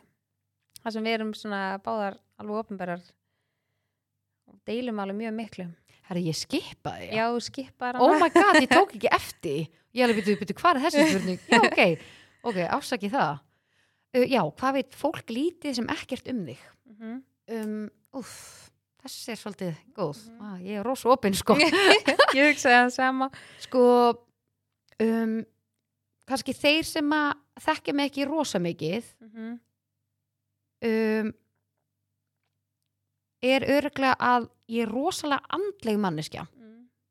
virkilega og ég er meira að búin að sko minka ennþá meira utan á við eða þú veist þannig að vini mínir vita því Mm. að því ég er svo mikið bara að gera það sjálf með sjálfur mér Mhm. þú veist, ég einhvern veginn já, hvað ég pælu mikið í því að því að sko ég fór hægt að pæla að þú skoðar Instagram, Mhm. elskum Instagram þú veist, það er auðvelt að skoða bara eitthvað, já, þessi típa Mm. þú veist, ef þú skoðar Já. Instagram, eða fattur hvað ég meina bara Dæma út frá Já, dæma þú út frá einhverju Mhm. bara, já, hún er þessi típa að þegar máli er svona er ég þessi típa, Nei. þú veist, ef þú pælir í því skilur, þú veist, ég er bara ég er alveg durgur, skilur, Mhm. ég er alveg ég er, já, ég pælir rosalega mikið í svona hegðun og andlum hlutum og alls konar einhvern veginn, ég pæli meira í einhverju svona orkutengdu og hvernig Mhm. heimurinn er og allt þetta heldur Einmitt. nokkuð tíman eitthvað svona þótt ég elski alveg svona material things líka já, en fólk heldur kannski ég sé meira þar já. heldur en hins einn mhm, og svo held ég að fólk viti líka ekki að ég er rosa næjusum mm, á Nei. margar hluti og á margt mhm, en það er mjög auðvelt að halda með það sem ég síni á Instagram og Já. hvernig ég, þú veist, og hvað ég gef út að ég sé ekki næjusum að ég þurfi alltaf eitthvað til þess að fylla upp í eitthvað þannig. Þannig, en það er, það er ekki alltaf staðan sko, Nei. þetta sé alveg stundum þú veist, ég er alveg líka ma- materialized en Já. ég er ég er, finnst mér meira hinum einn já, það er líka rosalega auðvelt að plýsa þig. Já, þú veist svona sem svona, þú ert ekki eitthvað svona þú ert ekki kröfuhörð manneskja. Nei, nei. Að, þú veist, bara ekki svo vera lengi svona sem að á innrættur ekki hreinlæti. síkla Já. að þá ef þú myndir bjóða mér á einhvern horbjóð þá er ég bara, já ok, þú hatar mig sem sagt. Já. þá veit ég bara að þú myndir vilja mér eitthvað vond. Já, en ég, þú veist ég er, ég er mjög sammálaður þarna. Mhm, og, og gott að heyra að þú, þú veist, að þú skinnir það þannig, Já. skilur við Þannig að, já, ég held að þetta væri kannski þeir hlutir sem að ég myndi já, því að sko ég upplýði líka alveg pínu þannig að ef ég vissi ekki að þú ættir til dæmis mikið af svona, þú veist, merkjavöru skilur, Mhm. það er bara áhugamálið ef ég vissi ekki að þú ættir allt sem þú átt, mm þá myndi ég ekki halda að væri þessi típa Já. bara af því að hitta þig og tala við þig, já, já, já, einmitt, einmitt sem ég finnst samt svo geggja að þetta sýnir bara hvað þetta er mikið áhugamáli mm Mhm. og hvað þú ert mikið ekki bara först í því að vera þarna og hugsa útröldu þú veist, Mhm, mhm. þetta er bara svo mikið bara svona hobbyið skilur Þetta er bara mjög góðu punktur. Sem er að- eitthvað svona eins og áhuga mál bara. Já, þú veist, og þú veist, fólk á mismönd áhugamál menn Mhm. einhver er safna frímerkjum þú veist það ekkert skilu fyrir að þú kynnist manneskinu og þú fara að sjá safnið skilu eða servjettum eða eitthvað skilu Mjög góðu punktur. Þannig að, já, ég myndi Kast. segja það já. En, en þú, mm, hvað veit fólk lítið sem ekkert um þig? fólk veit rosalega ei, ég vil meina, mm. Mhm. veit rosalega lítið um sambandi mitt og Frans. Já, þið eru alveg svolítið svona við erum mjög private með Já, það það er eitthvað sem ég held og veist, ég vil líka sé private þegar, þú veist, bara eins og í svona vinkunahópum og eitthvað svona, þú veist, þegar er verið að tala um alls konar, þú veist, eitthvað svona dæmi, að vera að opna sig og segja eitthvað svona, ég er yfirleitt svo manneskja sem bara situr og hlusta Já, og ég alveg, veist, bara, og ég alveg tek undir samræði, skilur, Mhm, en ég er mhm. aldrei að deila, að fyrra bræði með einhverju en Já. það er aldrei neitt sem kommentar á það. Vá hvað það er fyndið þú segir þetta. Vá hvað þetta er true. Þetta er fakt Já. Þannig að það veit, veist, allt sem við frans eigum og gerum, skilur, Mhm. það er bara geðið mikið út fyrir okkur. Já, En ég held að það sé líka eina sem er eitthvað svona svona út fyrir okkur, skilur, Já, að, að því maður deilir svo miklu og maður er ofta ekki Mhm. að segja eitthvað og hérna, þá er ég ekki að tala um bara samfélagsmiðlum, bara svona almennt, já, skilur. einmitt, einmitt En það En er ég held að það sem þetta alveg næs að halda því líka private já, ég er bara sjúklega private með þetta, Mhm, skilur. mhm. Og hérna, og, já, ekki það, þetta sé eitthvað svona, við höfum eitthvað ákveðið, ekki að tala um þetta, en mér, þú veist, já, ég hef alveg oft hugsað það bara, já, mér finnst það bara fínt, skilur, já. Mér finnst þetta mjög góð punktur að því að sko, þegar, ef ég hugsa til dæmis út í, segi ég og Gummi værim að þegar nú erum við búin að vera fyrir eitthvað bara svona svolítið ofinber, Mm að, að stundum er maður bara svona úst, vill maður það? Mm. Að þið fattar þá er svo auðvelt að taka og ég er bara oft verið í rosalega ofinberum samböndum. -hmm. Þá er svo auðvelt þá að taka það fyrir Já. og þá er hægt að höggva þig skilju og, þá, og það svíður og það Já. særir Mhm. að ég hugsa ef ég og Gummi þegar ef við myndum hætta saman Mhm. að ef ég færi svo aftur í samband með einhverjum öðrum Mhm. þá held ég myndi gera það private að ég myndi ekki, ég myndi ekki ofnbæri ég held ég sé bara, ég finn það bara núna Mhm. alveg ég finn það að þá myndi ég vilja hafa það private, Private, já. já, ég, ég fíla það ég Já. fíla það mér þetta svona mm, svona líka bara svona hugsunin mín er kannski meira líka þannig að, að þú veist þetta hefur alltaf verið rosa private, jú auðvitað hefur komið eitthvað svona framhjálpsögur Mhm, skilur mhm. og þá finnst mér bara að finna að ég bara og fólk þekkir okkur ekki neitt og Nei. veit ekkert um Nei. okkur skilur, menna við getum alveg verið í ofnbyrju sambandi eitthvað, og enginn vita af því skilur, af því ég, ég hef aldrei talað neitt um neitt eða sagt Mhm, neitt mhm. um veist, okkar svona persónlega samband ekki nefnum bara það bara svona okkar venjulega samband, Við erum bara, já, við Já. bara mjög heilbrikt samband bara, Já. við erum bara mjög venjulegt fólk já, já, og við erum bara mjög boring heimilis líf skilur bara eins og allir en svo bara rest veit fólk ekki. Já, en hérna e, já, ég hugsaði líka svona að hérna, veist, ég geti bara verið í já, í eitthvað og það nákvæmlega enginn bara í búningnum já, já.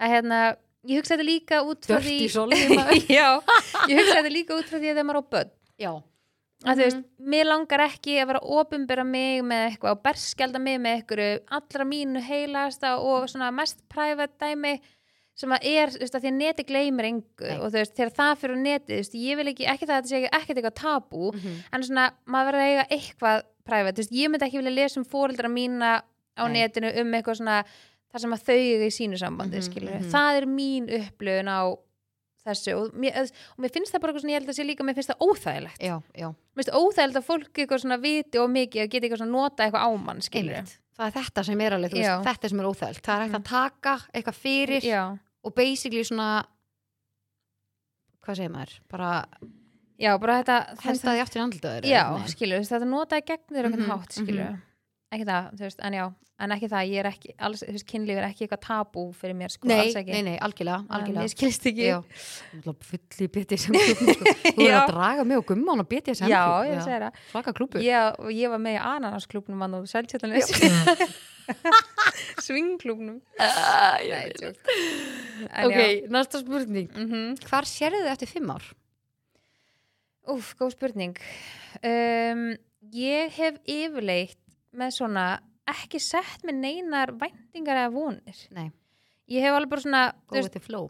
Já, ég meira bara svona veist, reyna að halda ykkur svona væntingastjórnun að því að, veist, jú, það, ok ef þú hefði spurt mig fyrir fimm ára síðan Mhm. þá hefði ég alveg viljað sex fyrir staðnum sem ég er á núna nefnilega, veistu, það, ske, það skiptir svo ógæðslega miklu máli Já, að analæsa staðin sem maður er komin á já, að því að þú ert á þeim stað oft er þetta þannig Mhm. og við getum báðar sagt það já, að nú er maður á staðin sem maður óskaði sér að maður hefði verið á Mhm. fyrir fimm árum síðan en maður er svo fljótur að gleyma Já. að því að þú ert að horfa fram á við þú vilt meira og vilt Mhm. halda áfram skilur algjörlega Þannig að ég myndi segja ógeðslega góða punktur hjá þér Já, en ég myndi segja, ég væri á staðnum sem að mér langaði að vera á fyrir fimm ára síðan og alveg gott betur en það Mhm. þú veist, mér bara mér bara, mér skortir ekki neitt og ég bara svona, mér líður bara gett vel og ég bara svona líka svolítið átta mig á því að þú veist sérstaklega þegar að ég kom bönni mín og svona aðeins eldri, þú veist, það er bara ekkert eitthvað svona vesen lengur en að gæsa lappa skilur, þú veist,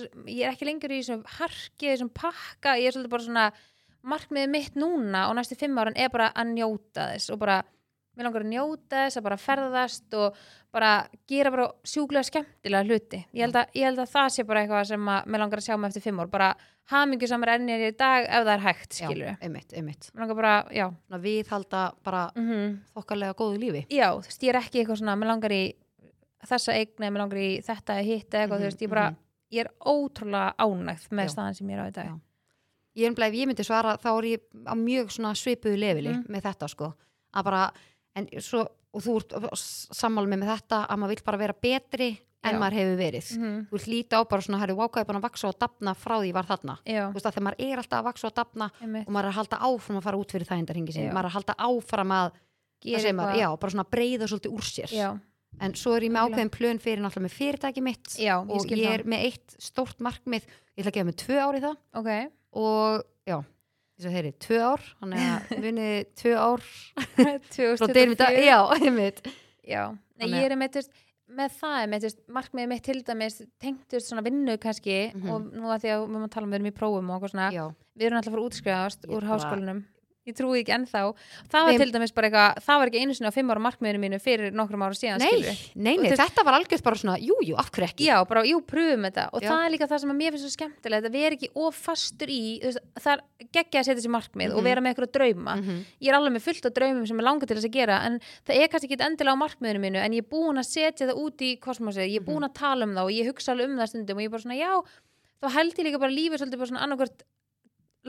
og og þú veist, drægi mig áfram á þann stað. Mhm, mhm. ég var alveg með það í huga að mér langaði nám þú veist. ok, já, en ég var aldrei eitthvað búin að ákveða bara já, þú veist, mér langar að útskrifast þarna og bara, þú veist, ég var aldrei eitthvað, og ég er á gömul í skóla eða neitt þannig, ég var bara svona, ef það kemur til mín það kemur til mín. Og ég man bara nákvæmlega hvar ég var að keira þú bara greifst það. Já, ég var bara að keira í árbænum og heyrði útarsauðlýsingu með þessu námi og ég bara, ég ætla að skrá mig þetta nám Mhm. og ég man bara, ég hitti þitt daginn eftir ég bara, Lína, langar að koma með mér þetta nám Nei, paldi hvað þetta, nei sko í alvegni, þetta það mest random shit Já. að að við vorum ekkert eitthvað bestu vinkonu skilur þetta var bara, þetta var ég bara geðveikt svona herði, random. vá, vá, hvað ég til Mhm. þannig að og svona ég elska svona, því ég hugsaði ef ég hef verið bara með geðveitt mikið planað og bara Já. ókslega stíf markmið þá hefur bara, að ég bara í kassanum, nei, Já, þetta bara- fittar ekki hérna. Já, námið bara, þú veist, auðvitað er náttúrulega ókslega dýrsta fyrir nám og Já. bara tekur mikið er tíma og, já, maður þarf að leggja margt á sig til þess að láta það ganga upp, skilur Já. en ég hugsa bara svona, ef ég hefði verið með of mikið planað eða of mikið bara, þetta eru markmið í mínastu fimm árin, það hefði aldrei farið þetta nám Nei. Þetta er ógeðslega góða punktur. Já, þannig ég held svona, mér langar bara svona lífi kasti með alls konar hugmyndum Mhm. og ég bara tek það og vel úr það sem ég Grípur. langar Mhm. og kannski markmiðið mitt næstu fimm ára svona vinnulega sé er að vera ekki lengur þú veist á Instagram, mér langar að vinna veist, ekki þá ég sjálf endilega að setja í stóri og eitthvað Mhm, þannig mhm. mér langar að gera eitthvað svona meira og dýbra sjáum kannski eitthvað svona marketing dæmi eða. Mm, mhm. eitthvað þannig, þannig að það er svona kannski eina sem ég er svona og þess vegna fór ég líka í þetta námskila því mér langar að sjá hvert þetta leiði mig Algjörlega, En ekki það getur svona svo mitt. margar Mhm. hurðar að því að nú eru við bæðið með reynsluna og að klára námi, þannig Já. að þú veist, maður er eiginlega skotheldur eins og maður hefur sagt nokkur sem maður. Já, þannig að þú veist, og ég er bara spennt, þú veist, hvað Hvað verður? Já, Mhm. kannski verð ég bara ennþá á þessum stað, það er Já. bara að tala við sífum minn eftir næstu ár. 50 árin bara Já, ennþá bara hver veit. komin á YouTube og TikTok og ykkur nýja miðla. Einmitt. En þú veist, ef það verður, þá bara er það geggja, Já, algjörlega. En það er mér bara að óslega vera. gaman að velta þessu fyrir sig bara svona, já, þetta er fimm ár, þegar fimm ár er svona líða, Já. svo er þetta nám, ok, þetta er þrjú ár, Já, en við erum að taka þetta okkur á tveim og hálfu ári.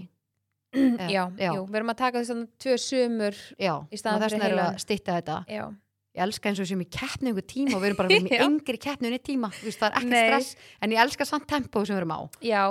Að því að við erum báðar þannig, við þurfum pínu challenge Já. til þess að endast í. Ef við varum ekki að taka þetta svona hratt, já. þá myndum við svona frekar að flosna upp úr Já, hlutunum, við værum þá bara svona, já. Hvað erum við búin að segja átt bara, að við vinnum svo vel undir pressu? Já, nei, ég alveg, við vinnum samt geggja vel undir pressu. og við, líka, við eigum líka ótrúlega auðvöld með að vinna saman Já, sem er geggjað Sko, sko, okkar, að því að máli, ef ég væri einu í þessu námi, sorry, ég væri hætt. ég, bara, Ég viðurkenni sammála, það. já. Hann er reynið að finna einhvern partner ef þið Mhm. getið, eða bara kynnast ykkur eða kynnast á einhverjum, þú veist nefndadögum eða eitthvað svona einmitt, og reynið að vinna saman, að því að ná að vinna saman, að því að máli er að skóli er ekki bara eitthvað, þú einn að þurfi eitthvað að gera, eins og einstaklega sem að í bifuröst. Mhm, Þá finnum maður svo mikið fyrir því að það er rosalega mikil hópavinna.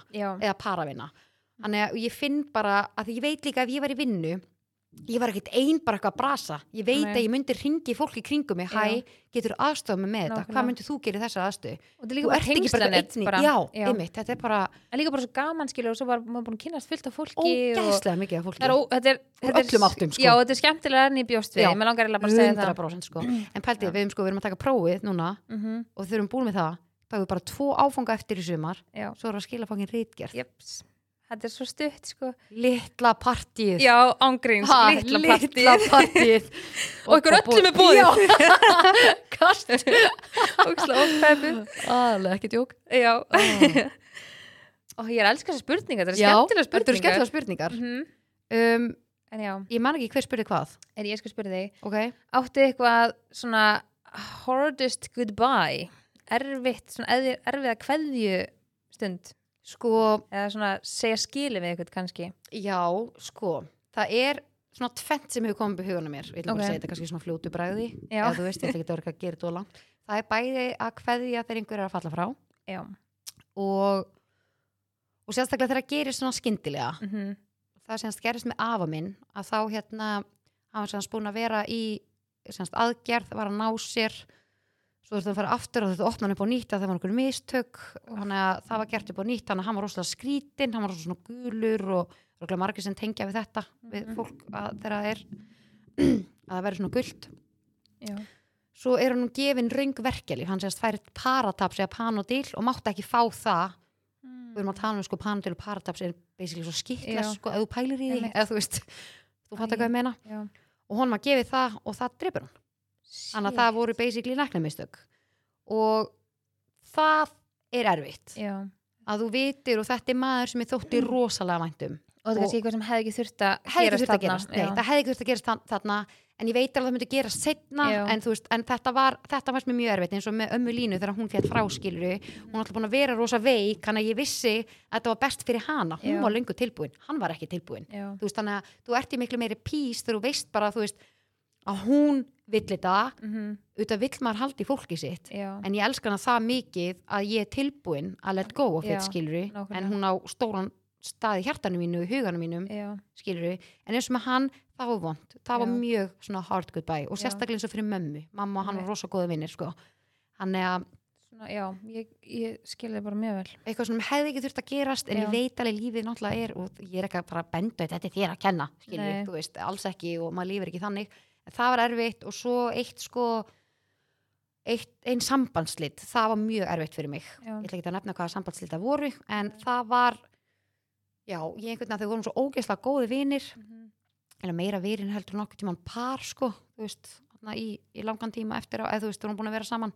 Já, mér fannst bara þegar ég, ég ákvæði semst að flytja út og þegar ég er búin að pakka allir saman er að taka síðasta hringin, þú veist, af allir dótinu og sé bara, bara rosa mikið tómt, skiluru og ég fer hérna inn í svefnherbyggi sem var þá okkar svefnherbyggi og ég man bara að ég sest í hotni í svefnherbygginu og ég bara svona brotna niður og bara fæ svona ekka Mhm. og ég man bara, mér leið eins og heimin og jörð voru að farast Já. ég var bara, þú veist, hvað ger ég nú? Já, bara, já. þú veist, búin að vera í þetta langan tíma með partnerinu og þú ert bara, og hvað nú? Þú veist, hvað nú? Þetta er besti vini minn, skilur Já, þú veist. Og, og ég man bara, og hann kemur hérna og eitthvað, reyna að tala eitthvað við mig og mér finnst hann segja eitthvað vittlust við mig. Mm. Alltaf bara hvað sem þú hefði sagt um að hefði verið vittlust. Ég var bara þeim stað. En ég bara einhvern veginn hleyp út, brunuði bíl, hann hleypur eftir mér og ég bara brun af stað og hann heldur áfram að ringi mig, skilur Mhm. Ég held að hann hafi bara fengið einhverja massívar ágjur af mér, sko Mhm. ég man bara, ég, ég stoppa fyrir utan húsið eða nýjibúðinni sem ég var að flytja í og ég var bara og það var svona, það var svona skóur við hliðina Mhm. trjám og svona skóur og eitthvað ég man, ég hugsaði bara slá skrítið að segja þetta. En ég man bara, hvað ég vona að sé bara einhverna í skóinum og bara drepu mig. Æ, þú veist, mér leið það illa. Ég er ekki, sko, ég er ekki smá að djóka. Nei. ég var bara, ó, hvað væri bara fínt. Mm. þú veist, ég væri til í það okkur núna. Mér leið bara það illa. En já, ég held að það, þetta tvent hafi verið svona mjög vond og Mhm. erfið erfiðar kveðjustundir. En sko en svo langar mér að tala þegar það er pottit einhver upplifa þetta akkurat núna þegar Mhm. kemur á svona sambandslitum maður heldur alltaf að makinn sem þú ert að kveðja Mhm.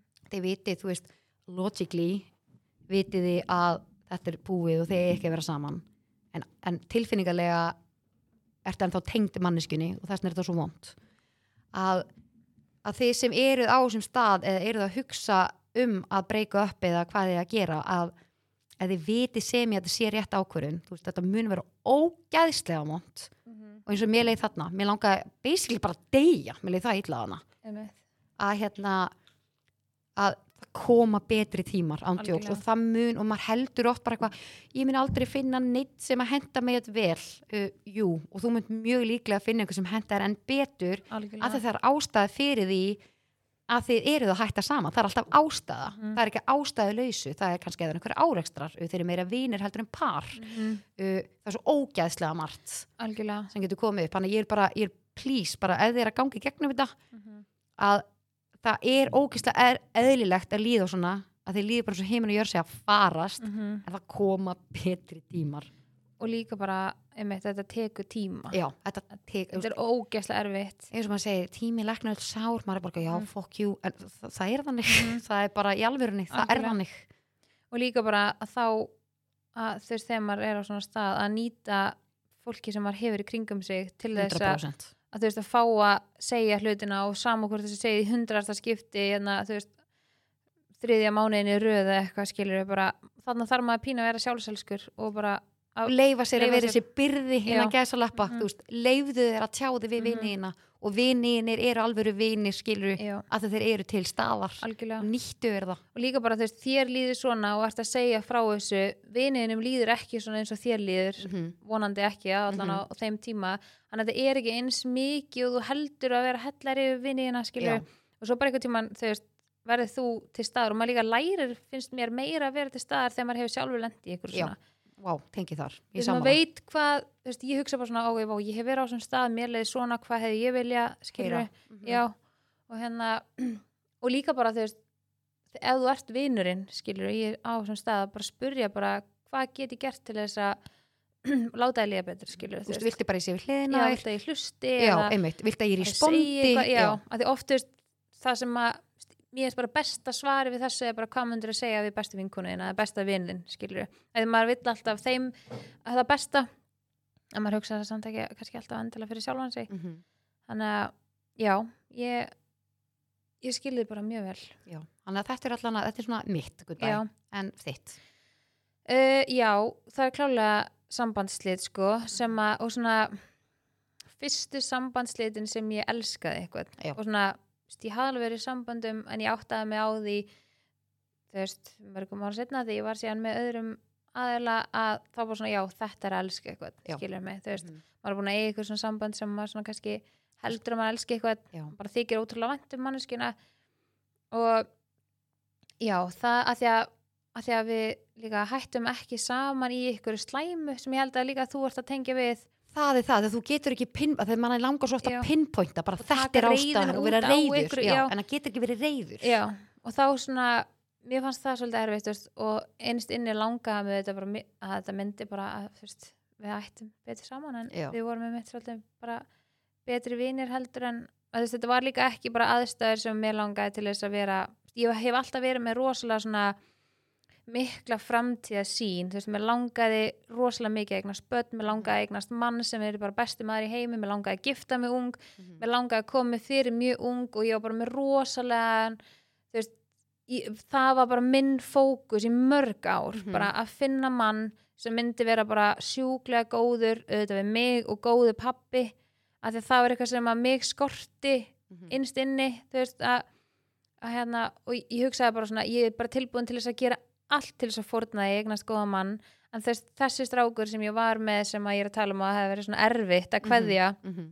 er strákur sem að hafði allt nema hann var ekki með sömu gildi og ég Já. í lífinu og þá náttúrulega þá eru komnir áleikstarar og þá er annar aðlinn sem þarf að fórna algjörlega en, en við vorum samt ekki á þeim stað að ég hef endilega vilja þú veist, eignast börn eða, Mhm. eða komið fyrir eitthvað en ég var bara, ég bara svo ána með hvað ég var samkvæm sjálfur mér líka Já. að bara ok, Solún, þetta er ekki það sem þú vilt skilur þú veist, það er bara, það verður erfitt en það á bara, það er eitthvað annað betra sem býðin Mhm. og sem er eiginlega magnað því að ég kynnist Fransi að hann bara þú veist, ég veit ekki innan um mánuð setna, sko. það er bara svona, hann bara beigð mín á silfur fati Mhm. og ég bara, þetta er svo ótrúlega skríti og ég fæ bara svona pínu gæsa og hugsa um það að þú veist, auðvitað leið mér ömulega, skilur en, og þú veist, ég var að gera bara alls svona skrýtna hluti, ég bjóð með vinkunum minna og ég var bara, ég svaf ekki þú veist, ég var búin að fá sveflif hjá lækni ég var búin að reyna allt, ég var bara van, hvað sem var, vansvefta bara, bara svo lengi og þá verður maður bara rugglaður, skilur ég var bara fann að taka á rúmmunum bara heima í s- milli sveps og vöku og þú veist, bara fara að ná mér í vatn og bara hella vatninu orðst yfir mig bara þegar ég laðist niður í rúmi, bara gera alls konar skrýna hluti sem sí, sína, sína bara hvað ég var bara ótrúlega brotin í undirmeðundinni og mér Mhm. fannst þetta bara rosalega erfitt, þú veist, fórandi til sálfræðings og eitthvað og, og svo eitthvað neginn bara já, bara ótrúlega skrítið. Þú veist, líður að einhver mánuður eitthvað við stelpunar förum á þjóðháttíð og ég segi við stelpunar í bátnum bara stelpur, ég ætla að finna eigimann minn á þessar þjóðháttíð bara fer ekki hann fyrir að finna einhvern eigimann sem er bara tilbúin til þess að gera allt fyrir mig. Og það er bara, já, já, já, geta peppa já, já, ég til í, til eitthvað. Og náttúrulega geta peppa, ég var til í að koma með þeim til eiga, þú svo sko. búin að setja inn einhverja bylgjulengt að þannig er þú bara búin að segja eitthvað ákveð Mhm. eitthvað og þú ert bara á þeirri bylgjulengt Já. þannig að væntalega kemur það Mhm. en þarna, þess að fyndi að þegar, að, ég sé hann bara tíni vinkunum minni, bara ótrúlega skringilega og hún bara gufaði upp við hliðina á mér í brekkunni ég segir að það bara átt að gerast og ég bara lappa einhvern veginn í fangið á Frans í, í eigum, í brekkunni og ég bara, oh my god ég bara aldrei sé svona sætan strák ég Já. bara, og það var bara eitthvað svona tenging skilur og Mhm. ég var bara, svo var ég bara þetta er hann. Já og ég bara stoppa hann ég bara, má ég gefa þér númerið mitt? Hann bara einn á það með fimm vinu sínum og ég brekkunni og ég bara og, þú veist, það var ekki og svona dimmt sko þú veist, þá, þú veist, já, ég var ekki eitthvað söðu drukkin eitthvað, ég bara má ég gefa þér númerið mitt? Og hann bara já, geða glaður eins og hann alltaf eitthvað og, hana, veist, og þetta er bara átt að gerast skilur, Já. þetta er bara geðvægt skrítið. Mhm. þannig að svo bara, bara mörgum mánum setna skilur, þá hérna segir vinkunum mér, já þú náttúrulega sagður og ætlar að finna eigimannin á, þjóðutíð og ég bara, já, þú veist oh það var ekkert ásetningurinn skilur, ég var ekki að leita uppi bara hver er til í mig hérna, Nei, bara hver ætlar nei. að búa með mér? Þú skilur leifir bara hlutunum að gerast. Já, þú veist, þetta er bara, bara fyndi skilur, Mhm. þetta hefði akkurat orðið. En, en þú veist, bara þannig að því sem ég haldi þetta að haga þú veist, ég kynnist fransarna en við byrjum ekki að vera saman, þú hann flytur til útlanda í, í vinnu og fótbolta í smá tíma og, og kemur tilbaka og þá var ég meira tilbúin þú Já. ég fann alveg þú kannski, betra headspace. Já, Mhm. ég var bara fann það bara um leið, ég var bara, þú veist, þetta var bara draumagaur og vinkunum minn sagði bara, þú veist þú ert auðli, bara þú veist, þú ert bara heimsk eða bara sérði ekki hvað þessi stráku tilbúin að gera allt fyrir þig. Og ég bara, já, bara, hann er ekki mín típa og hún bara, jú, ymmið þín típa þannig að ég er ótrúlega fegin að hafa bæði hlusta á hana og hafa fengið að hafa hana með mér í því að bara peppi þetta þvílíkt áfram. Að því þegar maður er einhvern veginn á þessum stað og maður bara svolítið lokaður fyrir að sjá hvað er, í, hvað er beint fyrir fram á mann sko. Mhm. Þannig að já, við frans hefum ekki verið í sundur síðan. Nei, og það er líka er Veronikku gott. að þakka sem Já. að ég bjó með henni á þessum tíma og kast. bara, hún sagði mig, gerða það fyrir mig. Hitt hann í seinasta skipti. Já, ok, en þú gerir það basically fyrir hana og það já, gerir útslæðið að þú veist, þá kom hann heim sérst frá Já. útlöndum og ég var bara að vera bara, æ, nei, nei, nei, nei Mhm, og ég var bara ekki, ekki að staða að finna mér kannski maga, skilju Nei, einmitt, einmitt. Hann bara svo fyndi, þannig takk fyrir hann Já, takk, þú ert að hlusta. Ég elska þig. Þannig að já, þetta er, þetta er það er svona, svona veist, það er svona eina sem situr eitthvað svona í mér að því að síðan alltaf svo hef ég alveg loka á alveg pamminu sem ég sagt Já, svona, einmitt, það var einmitt. líka öðru, það var öðru sér erfitt Já, og því ég vissi alveg, þú veist, var mín ákvörðun Já, skilur já, algjörlega, algjörlega. svona, það er öðruvísi en hafði ekki eins mikil áhrif á mig kannski Mhm. öðruvísi áhrif. Alltaf sé ekki rosalega ofta eitthvað svona vina, fjölskyldu eða Mhm. para ástasambands svona, jú, að var það ekki svona jú. en já, Um, næsta já. spurning það er, hvernig get ég verið betri vinur fyrir þig? mm. Það er svolítið góð Já. Ertu þá að spurja mig út frá þér eða bara almennt? Þetta er góð spurning, hvað viljum við? ég veit það ekki. Það er ekkert sem að ég myndi eftir í hug sem að, að þú getur gert betur, Betur, eða skilur ég vil að þú gerir þetta fyrir Já. mig ég vil að þú kaupir mér súkulega Já. fyrir mig og svo vil Ég ég er að hérna Nei, það er ekkert sem myndi eftir í hug Nei, er þetta ekki bara rosa við kannski sleppa þessari Já, bara ég er held það. Segjum pass við þessari Já, Við erum bara rosa góði félagar Já. og bara góða við erum Mhm. að pæla í okkur sko já Ok, uh, hvað gerirðu þegar það er enginn í kringu þig?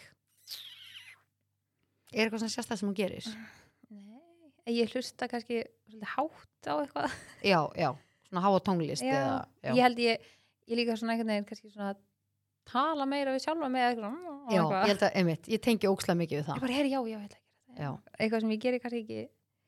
Fyrir ég held ég líka að- svona að geri þú veist, ef enginn er í kringum mig og ég hef meiri tíma þá kannski hugsa ég meira um sjálfa mig. Já, ef svona sett sjálfa mig meira í forgang að það hefur alveg verið svolítið svona forgangsatri hjá mér síðan að ég eignast börna svona þegar ég hef tími í það að hugsa meira um sjálfa mig. Já, einmitt, einmitt. Og svona, já.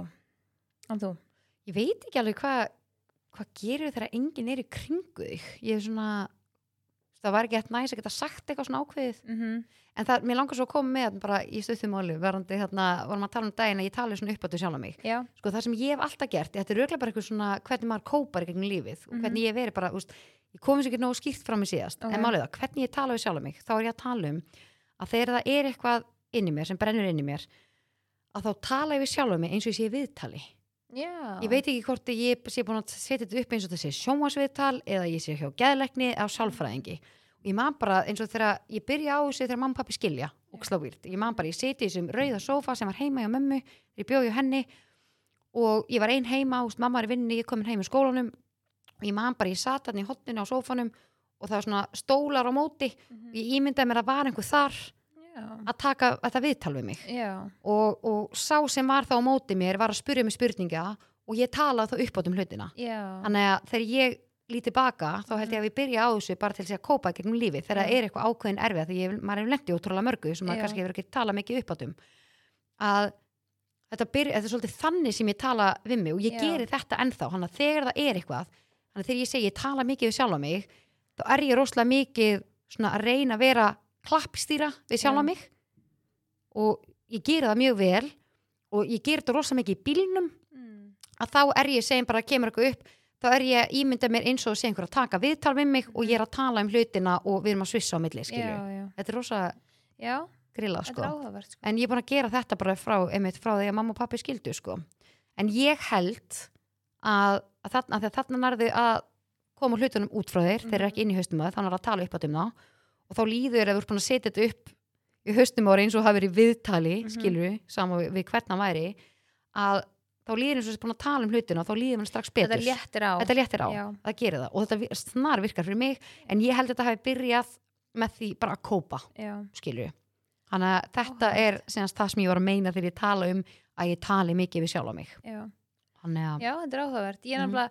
ég hugsa oft svona, þú veist, ef það kemur upp eitthvað svona aðstæður, þá hugsa ég með, þú veist, mér finnst oft gott að vera undibúin eða eitthvað spyrir með eitthvað, skilur mig. Mhm. Þú veist, mér finnst oft óþægilegt að fá eitthvað spurningar sem ég get ekki svarað og ég held að ég sé líka bara, þú veist, eins og þú sagðir um daginn eitthvað, nenni þú, þú að skrifa þetta því þú kemur þessu veginn betur frá þér. já, Ég held að ég er með tengjali smá þarna að því að ég reynir svo ógstu mikið að vera undibúin fyrir það að geta svarað eitthvað, Mhm. sérstaklega eitthvað svona erfiðum hlutum eða eitthvað, Mhm. að því að að því að ég átti svo ógeðslega erfitt með að fá eitthvað, eitthvað spurningu sem ég var óundibúin já, einmitt, Þannig að þú veist, ef ég lend bara á þeim stað sem ég er í dag, skilur, þetta er líka og svona fyrir próf, skilur, Mhm. þú vilt bara fara yfir efni og þekki efni og spurður út í að já, þetta er svona, svona, svona, skilur, Mhm. þetta er eins og að vera óundibúin fyrir próf, Já, þannig líður mér, skilur já. og svona, þú veist, ef ég er að fara eitthvað gera eitthvað eða lendi í einhverjum aðstæðum með eitthvað og fólk er að spurja með eitthvað þá vil ég svona vera búin að scenarióð er búið að rúlla í gegnum hausnum Þú er búin að fara yfir það Já, Mhm. hvað mögulega getur fólk sagt og þá Já. líka er ég kem í hlutunum held ég bara betur frá mér 100% Ég held það. bara algjörlega en, en ég ger þetta ómeð þetta samt sko. Já. Stundum er ég bara eitthvað hausnum bara miljón og ég er bara þreytt í hausnum bara því ég er að hugsa mikið og bara, nei ok, það er komin betra já, betra að segja þetta svona Nei, byrju svona ekki segja þetta svona Kast. Þannig að, já, En já, þetta eru þá bara spurningarnar herri við um Komnar. einu eftir Er það? já, hvað Ó. er versta date sem þú Já, farið á hvað er versta date sem þú farið á? Ok, er þú að spyrja mig eða ég að spyrja þig ég fyrsta? að spyrja þig Ok, versta date sem þú farið á Úf, svona fyrsta sem kemur upp í hausuna mér er þegar ég fór út að borða Mhm. með gaur og svona og hann var geðið að tengja við mig og ég var svona ekkert að Ó, tengja við hann. Nei, hann djók. og hann var alveg með plön eftir Æi. og það var alveg nokkur plön. Og ég var bara, oh my god, ég verð að komast heim. Ég var bara, oh my god. þetta er, er eitthvað óþægilegra. Nei. ég bara, ég sat aðna og hann meiri svo bara, já, herði, ætlum að, svo eftir þetta seglin og ég sagði bara, vistu, nei, ég er bara ekkert svöng, svo var hann að fara að segja með plönu og, ég, og þetta er svo óþægileg aðstæða og ég var bara, ég ætla aldrei aftur að date bara það er tenging það er bara- engin það er tenging nei, hann vildi svo halda áfram með kvöldi og ég var bara eitthvað þú veist, þarna þarf þetta að vera svo ógeðslega samkvæmur sjálfur Já. en samt vil ekki vera dónalegur en þú þarft samt ein, einhvern veginn að koma þér út úr þessu. skilja því ég nenni ekki að vera einhverju aðstöð sem ég veist óþægileg og Nei, lengi. Það er bara, það eru mörg fyrir því. Og maður á að geta sagt bara, þetta er bara ekki fyrir mig bara ég er ekki alveg en maður að er svo hrættur um að særa ykkur. Einmitt. Og ég var bara eitthvað og þá er mitt hérna, drullaði þessu út um mér og segja bara, veistu, mér langar rosalega mikið bara heim. Ég er rosalega þreytt. Ég notaði það sem ásíkun skilur Já. en svo einhvern veginn litið þetta bara fjara út það fór ekki milli mála skilur Nei. en þarna, ég veit ekki, þetta var ekki eitthvað svona bara, þetta er vond ef þú farið á date og það Mhm. er engin tenging.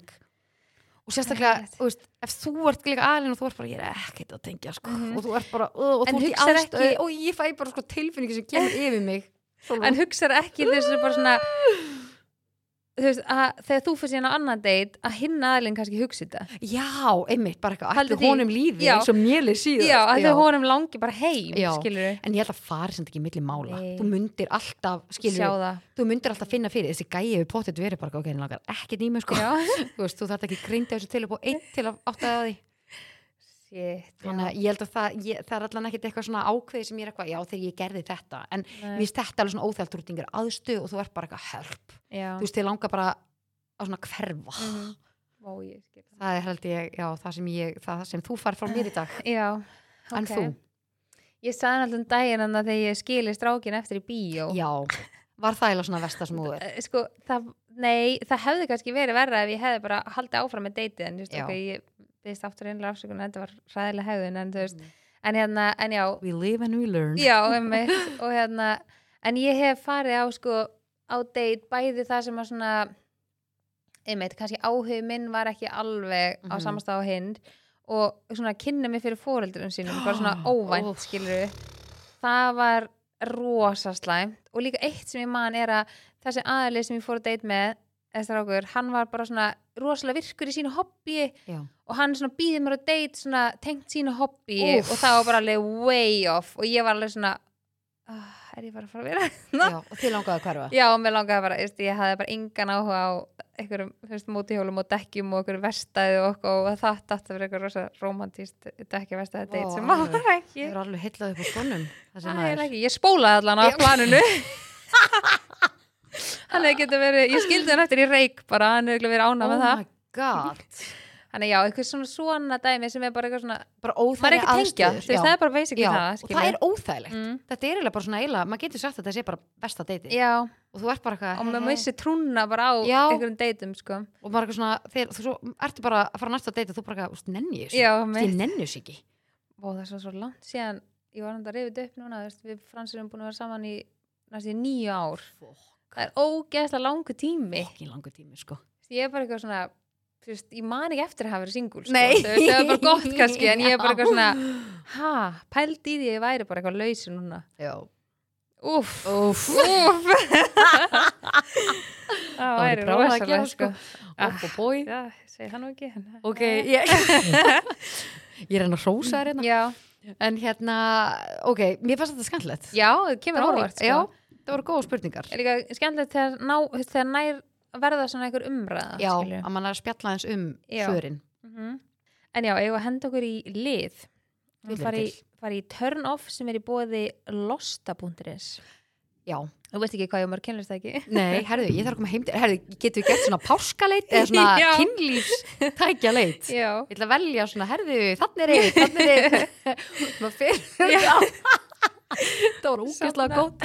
Minnum á ég hreinlæti. já, um mitt sko, ég mæli með að þið farið inn á losta.is inn á Instagram að Já. það er margur fróðleikur Mhm. og alls konar fræðsla þar inn á sem er mjög spennandi að fylgjast með og líka bara svona skemmtilega að fyndi en vídeo já, Það svona, við vorum um að vera að fylgjast með Já. þessu við erum bara, hei, hvað er, er í gangi hérna og ég meit svona tips og tricks og eitthvað í hérna svona quotes og mjög skemmtilegt já, Þannig og líka, með líka það er áhugavert hvað losti.is er með áhugaverð námskeið og alls konar Mhm. fræðslu í bóði en Já. þið getið séð alls konar inn á hérna, Instagraminu hjá þeim, að við mælum með þið tjekkja á því já, En Losti er síðan spæði netverslun sem er síðan losti.is og svo eru þau líka með verslun í Borgatúni 3 þar sem þið getið bæði bara sest niður, spjalla við þau um bara alls konar öllu tengdu, þau eru mjög opinn og taka vel á mót ykkur og þau getið líka keft ykkur ykkur næs uh, hjálpartæki Já. En Já, turn off. ég sko, ég held að við sem báðar með turn off tengt hérna páskafríinu. Úf Þú byrja. byrja. Byrja Ok, ég byrja. Okay. Ok, turn offið mitt í dag er þú ferð á hótel og það er mikla í glugganum. Já, ég get alveg tekið undir það, ég fekk vídeo af þessari miklu Ok, við, við tölum um þetta á hann í byrjun þetta eins og ég Já. segi, við skulum taka þetta fyrir turn offinu Mhm. sko. Það var veist eitthvað mikið uppbóka hérna á höfn. Ég ætla ekki að nefna nafni á hótelinu. Nei, Ég ætla ekki, en Það er ég má óþarfi. Já, að, hvað sagður það er óþarfi. En sko uh, Já, mikið að gera Vistu verið að taka um einhverju bíómyndi eitthvað, Ég veit ekki hvað var í gangi hérna Mikið, að, uh, mikið uppbókað. Mhm. Það er við mætum þarna herbyggi, ég gist þarna áður, þá var þetta bara mjög fínt, en herbyggi sem fengum núna var bara, sko, lyktin þegar ég lappa inn í herbyggi, það var bara fúkalikt, nei, sko, ógesli lykt, ég var bara, Hrottalegt. ég bara, nei, þetta, nei, sko, herðu, svo svona ætla ég að draga frá og opna gluggan, nei, nei, það var sko bara meðfram- svart? Nei, sko, svart, meðfram öllum glugganum, ég bara, ég vissi ekki að þetta mætti. nei, Ég veist, er þetta ekki ólegt og sérstaklega ég líka á mínum livjum, ónæmi spælandi livjum, þannig að ég finn svo mikið fyrir að það migla í kringum mig. einmitt, Ég sagði bara, ég get ekki verið hérna. já, Þannig ég hérna píndi með þess að fyrstu nótt skilur en svo náði ég að finna annað hótel sem leið sko miklu betur á daginn eftir. En ég var bara, mér langaði heim. Já. Ég var bara, ég er að pæli að snúa við bara að taka bílinn og fara skilur Já. Mér finnst líka svo mikið törn af þegar það er svona sturtu hengið svona límist við rassin á þér í sturtunni já, og þú bara hvert voru límast um marga já, rassa líka á hótel það, er nefnilega málið skilur þetta er bara svona fest oi bara í alvörunni og þetta er náttúrulega aldrei þrifið skilur Nei, ég hef frekar bara lætt sprautast á gólfu og þurrka já, síðan. bara eftir því, Já. nákvæmlega. Ég vil líka límast í alveg raskatið, eftir raskatur öðrum. En sko, málið er að þetta er ekki búið. Nei, og meðfram klósitinu var svo mikið svona pissufíla. Hann var ekki búin að pissa svona meðfram í greinlega gummið bara sem svona kýtað með Já. það Úff. þetta var, mér leið umulega en við vorum að fara einmitt út og, og bara gæri, við ætlum að tjekka út bara degi fyrir við ætlum ekki að ætlast þinn einstin eitt sko. Og svo segir góna bara, nú, úst, var allt í góði, það var eitthvað? Og gummi eitthvað, að þetta er bara persónlegt Nei. Sagði hann ekki bara herbyggi nei, við hann, Bara- vildi ekki, hann gerði, uh, gerði það ekki. Nei. þannig við fórum og ég var líka bara persónlegt bara, þá var það bara því Já, því hann var ekki að fara að taka þetta á sig, kona mín er svo kröfuhörð. Þetta er ekki alveg nóg gott fyrir kröfuhörð, herðu, úf, sko. Nei, ok, pissulikt já, herðu, þú sást vídeoið, sko. Já, ég sá að, hérna, en svo var hún svo næs að hún bara, en maður ekki að endur greið ykkur þá síðustu nóttina? Já. á hans að við báðum um það, sko. Og við alveg, jú, endilega það er í bóði hann er við löpum þarna út og já, ég mun aldrei verið í þessu herbyggi aftur.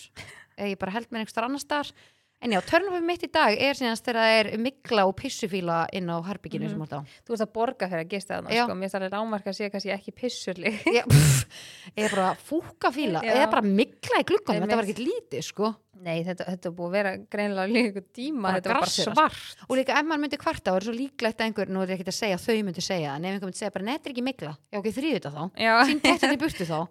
Og bara, nei, ég þessu ekki af. Já ok, hvað er þetta þá, ef þetta er ekki skítur Mhm. hvað er þetta þá þannig að já, var þetta var törnofið mitt í dag. Já. Ertu törnof hjá þér? Sóli Herri, törnafið mitt er sko ferðatöskur.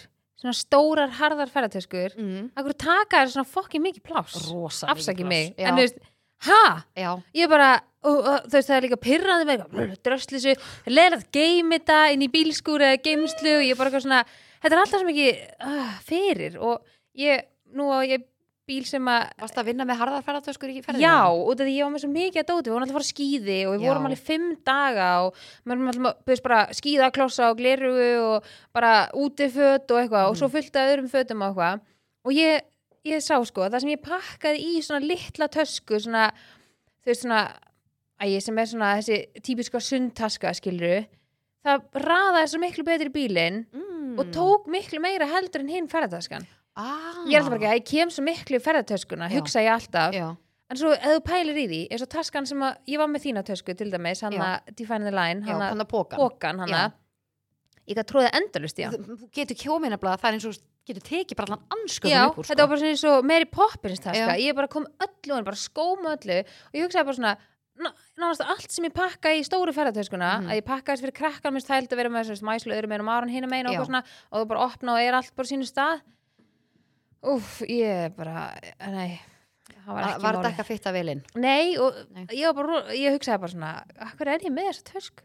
frekar að vera bara með fleiri póka Já, það er svona litlar töskur þú veist, Já. svona, sem eru svona eins og taupóki að þannig, Mhm, skilur mhm. alveg, þú veist, ég var með eina þannig stóra líka svona svarta sem er leikskólatöskunas Marons já, sem er svona IKEA, sem er svona rísa stór svona eins og fjölnóta Ah, nice. póki já, já, með rennilás Mhm. ég gæti að minn tróði endalist í það líka Mhm.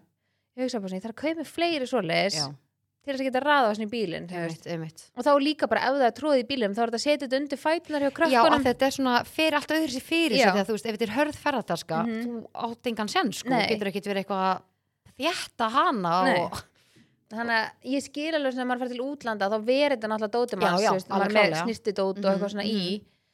En já, þannig að ég var svolítið pyrru á þessu, að því allar hérna töskutna sem ég tók sér með, gæti sett bara inn í skápin þú veist, í herbygginu sem vorum í Já. fyrir norðan og eitthvað, Mhm. nei, nema ferðartaskan, Nei. hún stóð þarna á Já, gólfinu þannig að hún var bara, þú varst alltaf fuck you já, bara sparkar alltaf ég og lappaði alltaf fram í henni fyrir hjúts hún er líka orðið leiðileg sko, hjólin á henni Já, það er extra endin í að sko, pirrandi. já, hún Já. er bara ekki að vinna með mér núna Já, en eða það er mitt turn-off, myndi ég segja. Törnum dagsins. Mhm. Þetta er, já, við vorum vel pirrar með þetta tvent semst í páskafríinu. Já, Það var ekki alveg að vinna með okkur. Nei. Þannig En við- þetta var þáttur dagsins já, Er það ekki? Jú. Erum við ekki nokkuð góðar eða? jú, ég held að Við erum mjög spenntar að taka upp næsta þátt með henni Gurri já, og að segja frá því að við vorum að skipta sérst um stúdíu já, vorum að pakka saman frá svæp og erum komnar hérna í okkur eigi rými. Jeps svolítið spennu, við kannski okkur aðeins spennu. þægilegri stóla. Stóla, já, svona kósi, getur fengið okkur sófa og eitthvað. Já, það var það alveg næs. Gerði eitthvað kósi og það. líka taka það fram að uh, við tölum um hérna live showið um daginn. Já, en miðasalan, við ætlum að byrja með miðasöluna núna í mæ já, og við erum búin að bóka sal senast hérna í bænum sem verður uh, 9. júni þá verður senast fyrsta live showið okkar. Þannig að við viljum Mhm. bara, bara svona peppa það og láta okkur vita því að það, takk í daginn frá já, einmitt, að það verður þetta er ekki, við erum ekki bara að segja hlutina við erum að fara eftir þeim sko já, og við erum líka ekki með þetta á neitt brjálaslega stóra stað þannig að það þarf alveg að hafa hraðar hendur í Já. meðsölinni nákvæmlega, allan sem til að byrja með, við ætlum ekki að vera einhver hjút stað fyrst nei, við viljum byrja að minna og svo freka bara að hafa aftur og sjá bara hvernig Já. þetta þróast og svona, Mhm. þetta gengur vel þannig að, já, bara takk fyrir í dag, Já. að sjá þér sólum minn Já, svoleiðis. mín. Sóley FM